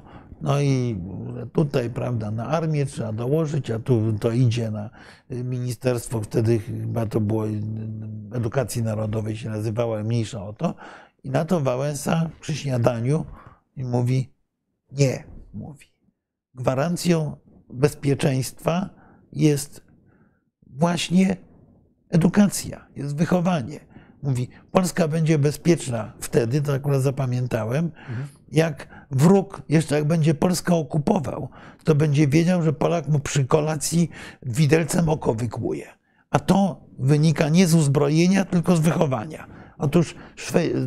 oczywiście to pół żartem, pół serio, natomiast to jest głęboka- Szwedzi i Finowie Ale to jest, o to tym jest zadbali. głęboka, e, nie wiem, Tak. prawda, mądrość na to po prostu. Szwedzi i Finowie o to zadbali. Zadbali Właśnie tam tak. jest mądre wychowanie obywatelskie. To nie jest przypadek, proszę Państwa, że we wszystkich ankietach te dwa kraje wychodzą jako kraje o najlepszym, o najwyższym poziomie edukacji szkolnej. Nie wyższej, bo tutaj Amerykanie, Brytyjczycy są najlepsi, ale na poziomie szkoły, szkoły średniej, we wszystkich możliwych badaniach na pierwszych miejscach są Finlandia i Szwecja. w danych badaniach PISA. Słuchaj, e, coś ci przeczytam, dobrze? Wizyta w Kijowie to punkt zwrotny w dziejach Europy. To je- to jest jeden komentarz jest w Polsce, a drugi po wizycie w Kijowie znaczenie Polski w Unii Europejskiej i w Stanach Zjednoczonych wzrosło. E, już nie, nie, nie, nie już, ale spróbujmy tak e, bardzo ekspercko, już nie, już nie, więcej nie naigrywajmy z tego, po prostu Znaczy, podsumować tak, to Ja dobrze. nie chcę się mądrzyć, bo najmądrzejszy komentarz, jaki przeczytałem na temat tej wizyty, najkrótszy, najmądrzejszy, napisał Ludwik Dorn. Mhm. Otóż napisał, że były, są trzy punkty odniesienia dla tej wizyty. Ten punkt odniesienia, oczywiście, ze względu na to, że w tej wizycie uczestniczył Jarosław Kaczyński, to jest punkt par- widzenia partyjny Prawa i Sprawiedliwości. Drugi punkt odniesienia to jest punkt odniesienia z punktu widzenia interesów kraju odwiedzanego, czyli Ukrainy. Trzeci, no to oczywiście jest z punktu widzenia interesu polskiego. Teraz Dorn powiada, z punktu widzenia PiSu polityczne złoto. Przypomnienie wizyt, wyprawy Lecha Kaczyńskiego do Gruzji, y, osobisty udział dwóch liderów y, Prawa i Sprawiedliwości, niewątpliwie na pewnym poziomie ryzyka osobistego. Pojechali, pokazali się tam, porozmawiali. Dla partii zysk.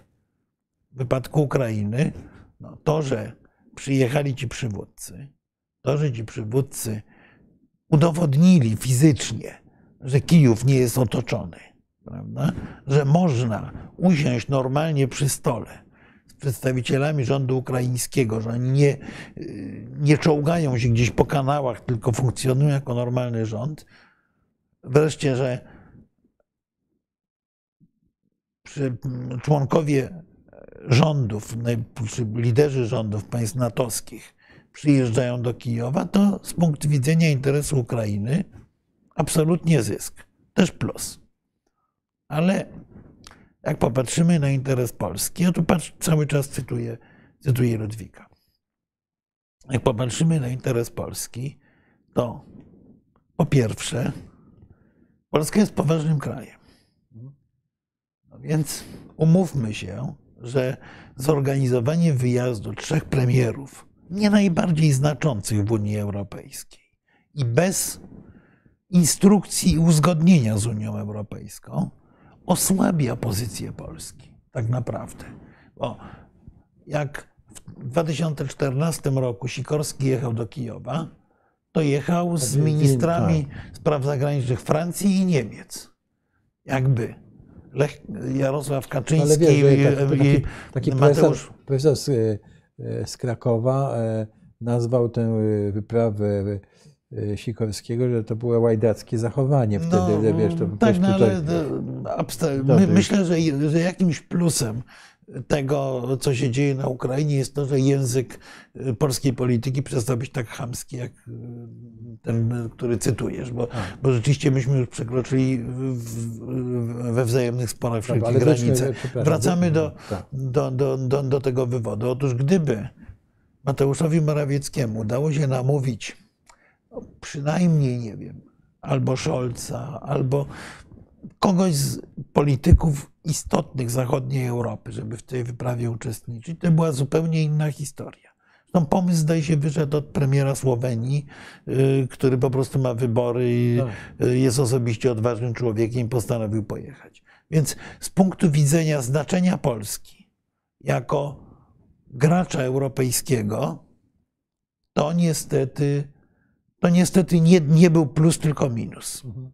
I druga rzecz, ważniejsza, brak uzgodnień i dość kawaleryjska szarża, powiedzmy, bądźmy eleganccy, Jarosława Kaczyńskiego, kiedy mówi o tym wprowadzeniu sił pokojowych. Bliżej nie wiadomo o jakich, ale mówi. W ogóle nie wiadomo o co chodzi. To, E, Więc e, jeżeli tam jedziemy i mówimy coś takiego w imieniu Polski, a udajemy jeszcze, że mówimy w imieniu Europy, to ryzykujemy dwie rzeczy. Pierwszą, że Ukraińcy, którzy są w sytuacji dramatycznej, potraktują to bardzo poważnie. tak. Przyjeżdżają przywódcy kilku krajów europejskich po raz pierwszy do No, Ma- Kijowa. Marku, no, I zostali, no, no nie, no nie wiem, czy no, nie, no, nie, nie wiem, jak łagodniejszy język, w każdym razie otrzymują pewną obietnicę bardzo na wyrost, nieuzgodnioną. A po drugie, no, takie pomysły można rzucać, tylko wtedy, jak się z kimkolwiek je skonsultuje. Była wcześniej Rada Europejska, cały czas są te kontakty, więc ta, ta konsultacja może się odbyć. Ergo, ja cały czas odwołuję się do, do, wywodu, do wywodu byłego wicepremiera i marszałka Sejmu. Y, Więc Ludwik Dorn konkluduje. Dla PiSu dobrze, dla Ukrainy dobrze, dla Polski źle. Takie było jego podsumowanie tej wizyty. Uważam, że jest to podsumowanie bardzo, bardzo inteligentne. A między nami mówiąc, y, rzeczywiście no, wykonując pewien gest, ten, ten gest ma dwa plusy wiesz, m, dla Tak. Polski. Po pierwsze, w sposób jasny, precyzyjny i ostateczny odcinamy się od Wiktora Orbana. Bo pamiętajmy, że to pojechała ekipa kumpli Orbana. Tak. Jan Sza jest jego ulubionym politykiem. Yy, Morawiecki yy, i Kaczyński, jego najbliżsi partnerzy. Fiala, ta sama rodzina polityczna. Tak, to są naprawdę e, Więc w parlamencie. tak, więc y, mamy y, wyraźnie odcięcie się od Orbana, odcięcie się od Marine Le Pen. To jest wartościowe. Dobrze, że to zrobili. Mm, Było, natomiast y, no, nie była to wizyta historyczna, w tym sensie, że nie wykorzystaliśmy szansy, a kolejny raz nie wykorzystaliśmy szansy, żeby działać wspólnie z Europą. No po prostu, tak jak mówiłem wcześniej, że Turcja jest za słaba, żeby grać samodzielnie, tak samo za słaba jest Polska, tak samo za słabe są Niemcy i Francja, co widzimy po tych nieszczęsnych telefonach Macrona i Scholza, że sobie mogą dzwonić na berdyczu z przeproszeniem. Tak. I zawsze słyszą to samo i, i, i Tak. I Europa może działać wtedy, kiedy działa wspólnie. Wobec tego, skoro ryzykujemy, bo ryzykujemy, to niewątpliwie, to, bo oczywiście to pewnie było uzgodnione, z- nawet Rosjanie wiedzieli, że jedzie ten Tak. pociąg. Yy, W samym Kijowie ludzie mówili, że yy, w, w ciągu tej połowy dnia, kiedy tam przyjeżdżała ta delegacja, było wyjątkowo spokojnie, było wyjątkowo spokojnie w Kijowie, najmniej strzałów. Więc natomiast Tak. zawsze jacyś Wagnerowcy, kadyrowcy czy, czy, czy, czy Ale- pijany generał ale- mogliby spokojnie no tutaj- ten pociąg postrzelać sobie. Tutaj y, powiedzmy sobie szczerze, ja bym zaapelował, żeby no, nie, nie rzucać tak, e, y, takich wyzwań, prawda, pojedźcie do tego Kijowa. Proszę Państwa, no, na Żeleńskiego się poluje w tej chwili, Tak. prawda? I, No przy czym no, to y, on, on jest poważnym człowiekiem. No ja go oglądałem wczoraj, Tak. y, jak y, przemawiał wieczorem przed swoją rezydencją, Tak. mm, oświetlenie, więc on, on o swoje bezpieczeństwo dba i z, z jego No tak, punktu ale- ale widzenia umówmy się, że- przyjazd jest cenniejszy niż jakiekolwiek ryzyka. Ale umówmy się, że polują na niego i tak jak to, nie wiem, prawda, Macron powiedział, jak trzeba, jak, ale jak, jak trzeba będzie, po co to pojadę, tak? Tak. No, e, Nie, nie, no więc, y, ale no, dobrze, dobrze, że pojechali, tylko, y, tylko można było to skonsumować dużo lepiej, nie robić tego y, tylko takiej pokazuchy No to- jednej grupy politycznej. Słuchaj, tutaj sam wywołałeś temat, to wspomnijmy jeszcze o Orbanie. No bo Orban właściwie, wszystkie te sojusze z Orbanem okazały się po prostu no, zupełnie No, ale- nieudane. Przecież on nas wystawia, prawda? No, ale on, on zawsze nas wskazuje, wystawiał. wskazuje nas, że my jesteśmy winni tego wszystkiemu w tej chwili. Ale zawsze nas wystawiał. No, prostu- znaczy, Co dalej bo- z tym sojuszem? Czy Nie, no, y, sojusz z Orbanem jest sojuszem antyeuropejskim. To jest sojusz zbudowany na bardzo czytelnej walce z, państw, z praworządnością, z modelem y, Europy takim, jak, y, jak ona jest. W tej chwili ta Europa się też bardzo zmienia, między nami mówiąc. Natomiast interesy Polski i Węgier są fundamentalnie sprzeczne. I y, ja nie sądzę, żeby przywódcy PiSu tego nie widzieli. Myślę, że przynajmniej część z nich widzi to, bo to nie jest tylko kwestia Rosji. Jeżeli popatrzymy na ukochaną ideę y, polskich polityków ostatnich paru lat, czyli ideę Trójmorza.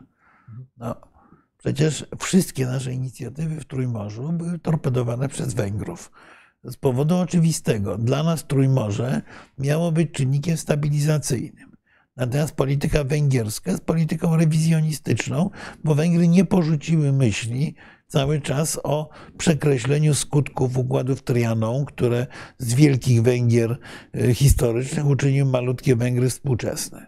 Na, w myśleniu i stylu politycznym węgierskim ta kwestia jest niesłychanie ważna. Wobec tego Węgry były zainteresowane destabilizacją tego obszaru Trójmorza, a myśmy byli zainteresowani stabilizacją, więc wszelkie nasze pomysły były natychmiast lekko, y, le- lekko blokowane. Oczywiście elegancko, bo Węgrzy są sprawni politycznie, natomiast y, interesy są kompletnie rozbieżne, no najkrócej mówiąc, więc y, nie sądzę, mówię, żeby tego PiS nie widział. Y, Orban jest sojuszem w wojnie z Europą. Daj Boże po tym konflikcie, jak mówimy o pozytywnych efektach, to Jeszcze raz powtórz, Orban jest sojusznikiem w wojnie z Europą. Panie Zauważ. Więc po tym y, konflikcie Ukrainie, na Ukrainie, czy po napaści rosyjskiej, nie mówmy konflikt, bo to jest język y, ezopowy, po napaści Rosjan na Ukrainę, myślę, że jednak Europa przestała być głównym celem wojennym naszego rządu, a wobec tego sojusz z Orbanem staje się mniej wartościowy. I Czyli, ja, znaczy ja powiem jeszcze inaczej. Ja przez całe książki nie lata, dostanie, e, mam nadzieję. może. No, jest pytanie, czy MOL dostanie stacje benzynowe, bo to jest może To jest pytanie trudniejsze. Tak, trudniejsze. Słuchajcie, proszę Państwa, e, Marku, słuchaj, e, chyba już musimy kończyć. Tak, no zamęczamy naszych, Zamęczamy, zamęczamy, naszych widzów ale- prawie od dwóch ale godzin. Mamy mnóstwo ciekawych pytań i Tak. mam nadzieję, Piotrze, że do tego tematu jeszcze będziemy wracać. Tak, na pewno. Na pewno niestety, nie- niestety on niestety. chyba nie zniknie Nie z zniknie i, agendy. i rozumiem, że ta sytuacja będzie się też nam rozwijać. No tutaj już dzisiaj nie, nie poruszymy tematu Izraela, ale przyrzekamy, że się e, będziemy wyjaśniać. Tak jest, będziemy, będziemy starali się. Być może, by, być może sobie zanotujemy te pytania i Tak. zaczniemy następne spotkanie od odpowiedzi na kilka zastarzałych pytań, Tak. także serdecznie zapraszamy. Tak, tak. Y, Na pewno będziemy się spotykali za tydzień i jeden dzień, ale tu pewnie bardziej w sprawach amerykańsko-chińskich. No tak. A, Za- tydzień, jeden jeśli dzień, Państwo niedzielę. będą chcieli, to, to, to, to z przyjemnością Zapraszamy. jeszcze siądziemy i spróbujemy zebrać te pytania. Tak, ja, y, zrobimy to. Tak, Dobrze, Kaczyński na prośbę, nawet nie na prośbę Zełańskiego. Yy, owszem, chciał dodać ludziom w, okop, w okopach trochę otuchy, zgoda.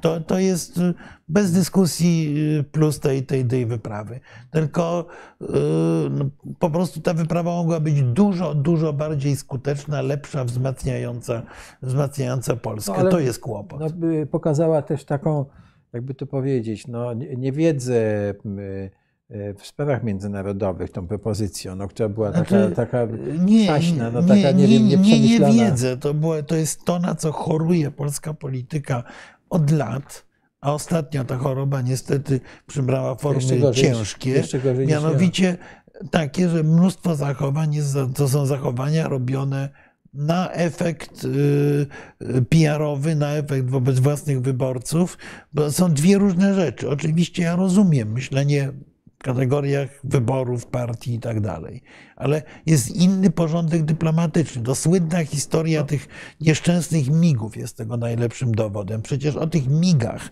które powinniśmy oddać Ukraińcom, bo one są nam do niczego niepotrzebne, y, myśmy nie powinni się dowiedzieć wtedy, jak one właśnie by coś zestrzeliły już latając ze dwa tygodnie na Ukrainie. Tak. To, że stała się to informacja publiczna, to było to partactwo kongresmenów amerykańskich, Komisji Europejskiej i y, polskiego rządu.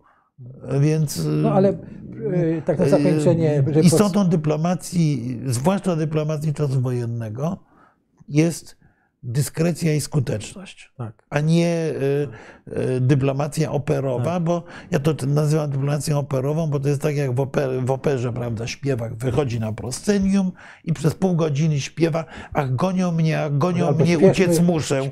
się, spieszmy się, tak, spieszmy. bo- Y, A Tak. i, zazwyczaj dziecko, które słucha tej opery, bo dorosły zna konwencję, a dziecko, które Tak. słucha tej opery, no to zadaje pytanie, Tak. to dlaczego on nie Ale- ucieka, skoro musi uciekać? Ale tak na zakończenie zgodzi się ze mną, że nigdy nie należy przedkładać interesu partyjnego nad interes e, Rzeczpospolitej i państwa. To jest e, złe i to jest zła tradycja i Znaczy, to jest prostu. tradycja niezdrowa, to jest tradycja niestety, nie tradycja, no jest to działanie e, bardzo często przez, przez niektórych liderów partyjnych podejmowane.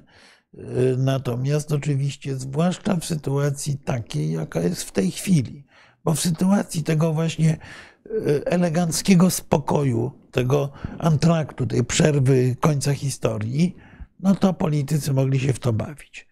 Ale zwróć uwagę, że generalnie w historii jest tak, że w sytuacji, kiedy jest kryzys, nagle pojawiają się przywódcy wybitni, przywódcy silnie. znikąd. Czasami. Tak jak się pojawił Churchill, tak jak się pojawił. Znaczy nie znikąd, no oni byli w No nie, no, polityce, by- tylko gdzieś Z tylnych ław. był, tak, bo jak czę- często mówił. byli wyśmiewani. Był Wałęsa w Polsce, był de Gaulle we Francji. i Oni wszyscy w momencie, jak zaczynał, zaczynał się spokój, znikali. Pojawiały się postacie mdłe, słabe, żadne. Więc myśmy mieli przez parę, parę dziesięcioleci sytuację, w której mogły rządzić właśnie interesy partyjne, postacie wątpliwe, a w tej chwili nie tylko u nas, na całym świecie jest deficyt prawdziwych przywódców. I ci prawdziwi przywódcy, tak jak Zełenski, pojawiają się czasami znikąd. Tym prawdziwym przywódcą się okazuje y, Joe Biden. On Tak. potrafi być Zawsze był czł- człowiekiem drugiego Tak, planu. tak, on, ta- on był za, za, zawsze był tym numerem drugim, trzecim. Ma znakomitą orientację w polityce międzynarodowej i nagle ten bardzo wiekowy, już starszy pan potrafi być przywódcą wolnego świata. Więc Dobra. Marku, to jest test y, bardzo mocny. Słuchaj, bardzo Ci dziękuję. To ja Jeszcze dziękuję. raz y, Marek Nowakowski, Stowarzyszenie Euroatlantyckie i Piotr Szczepański, Wszechnica i Fundacja. Wspomagania Wsi. Zapraszamy y, w niedzielę przyszłą, będziemy we trójkę. Tak. Będziemy, e, będzie po szczycie NATO, po wizycie Bidena. Jeżeli przyjedzie do Polski, bo cały czas Tak. Amerykanie twardo nie podają programu wizyty. Tak, tak, więc ale w każdym razie e, i tak będzie co, co omawiać. Także dziękuję Państwu. Do, dobranoc. My, proszę Państwa, usuwamy niektóre wpisy. Po prostu raz, Ale nie, postaramy się je zapamiętać i, Tak, i nie, nie, no tak może, zrobić sobie w ogóle oddzielne spotkanie odpowiadające po prostu na Tak. długą listę kwestii, na które nie Tak, mieliśmy tak, okazji wpisy- odpowiedzieć. Wpisy u, u, usuwamy po prostu, bo uważamy, że nie ma co zaśmieszać, zaśmiecać e, ciekawej dyskusji, jaką Państwo tutaj z nami e, toczą. Bardzo, bardzo dziękujemy i do zobaczenia. Bardzo dziękuję.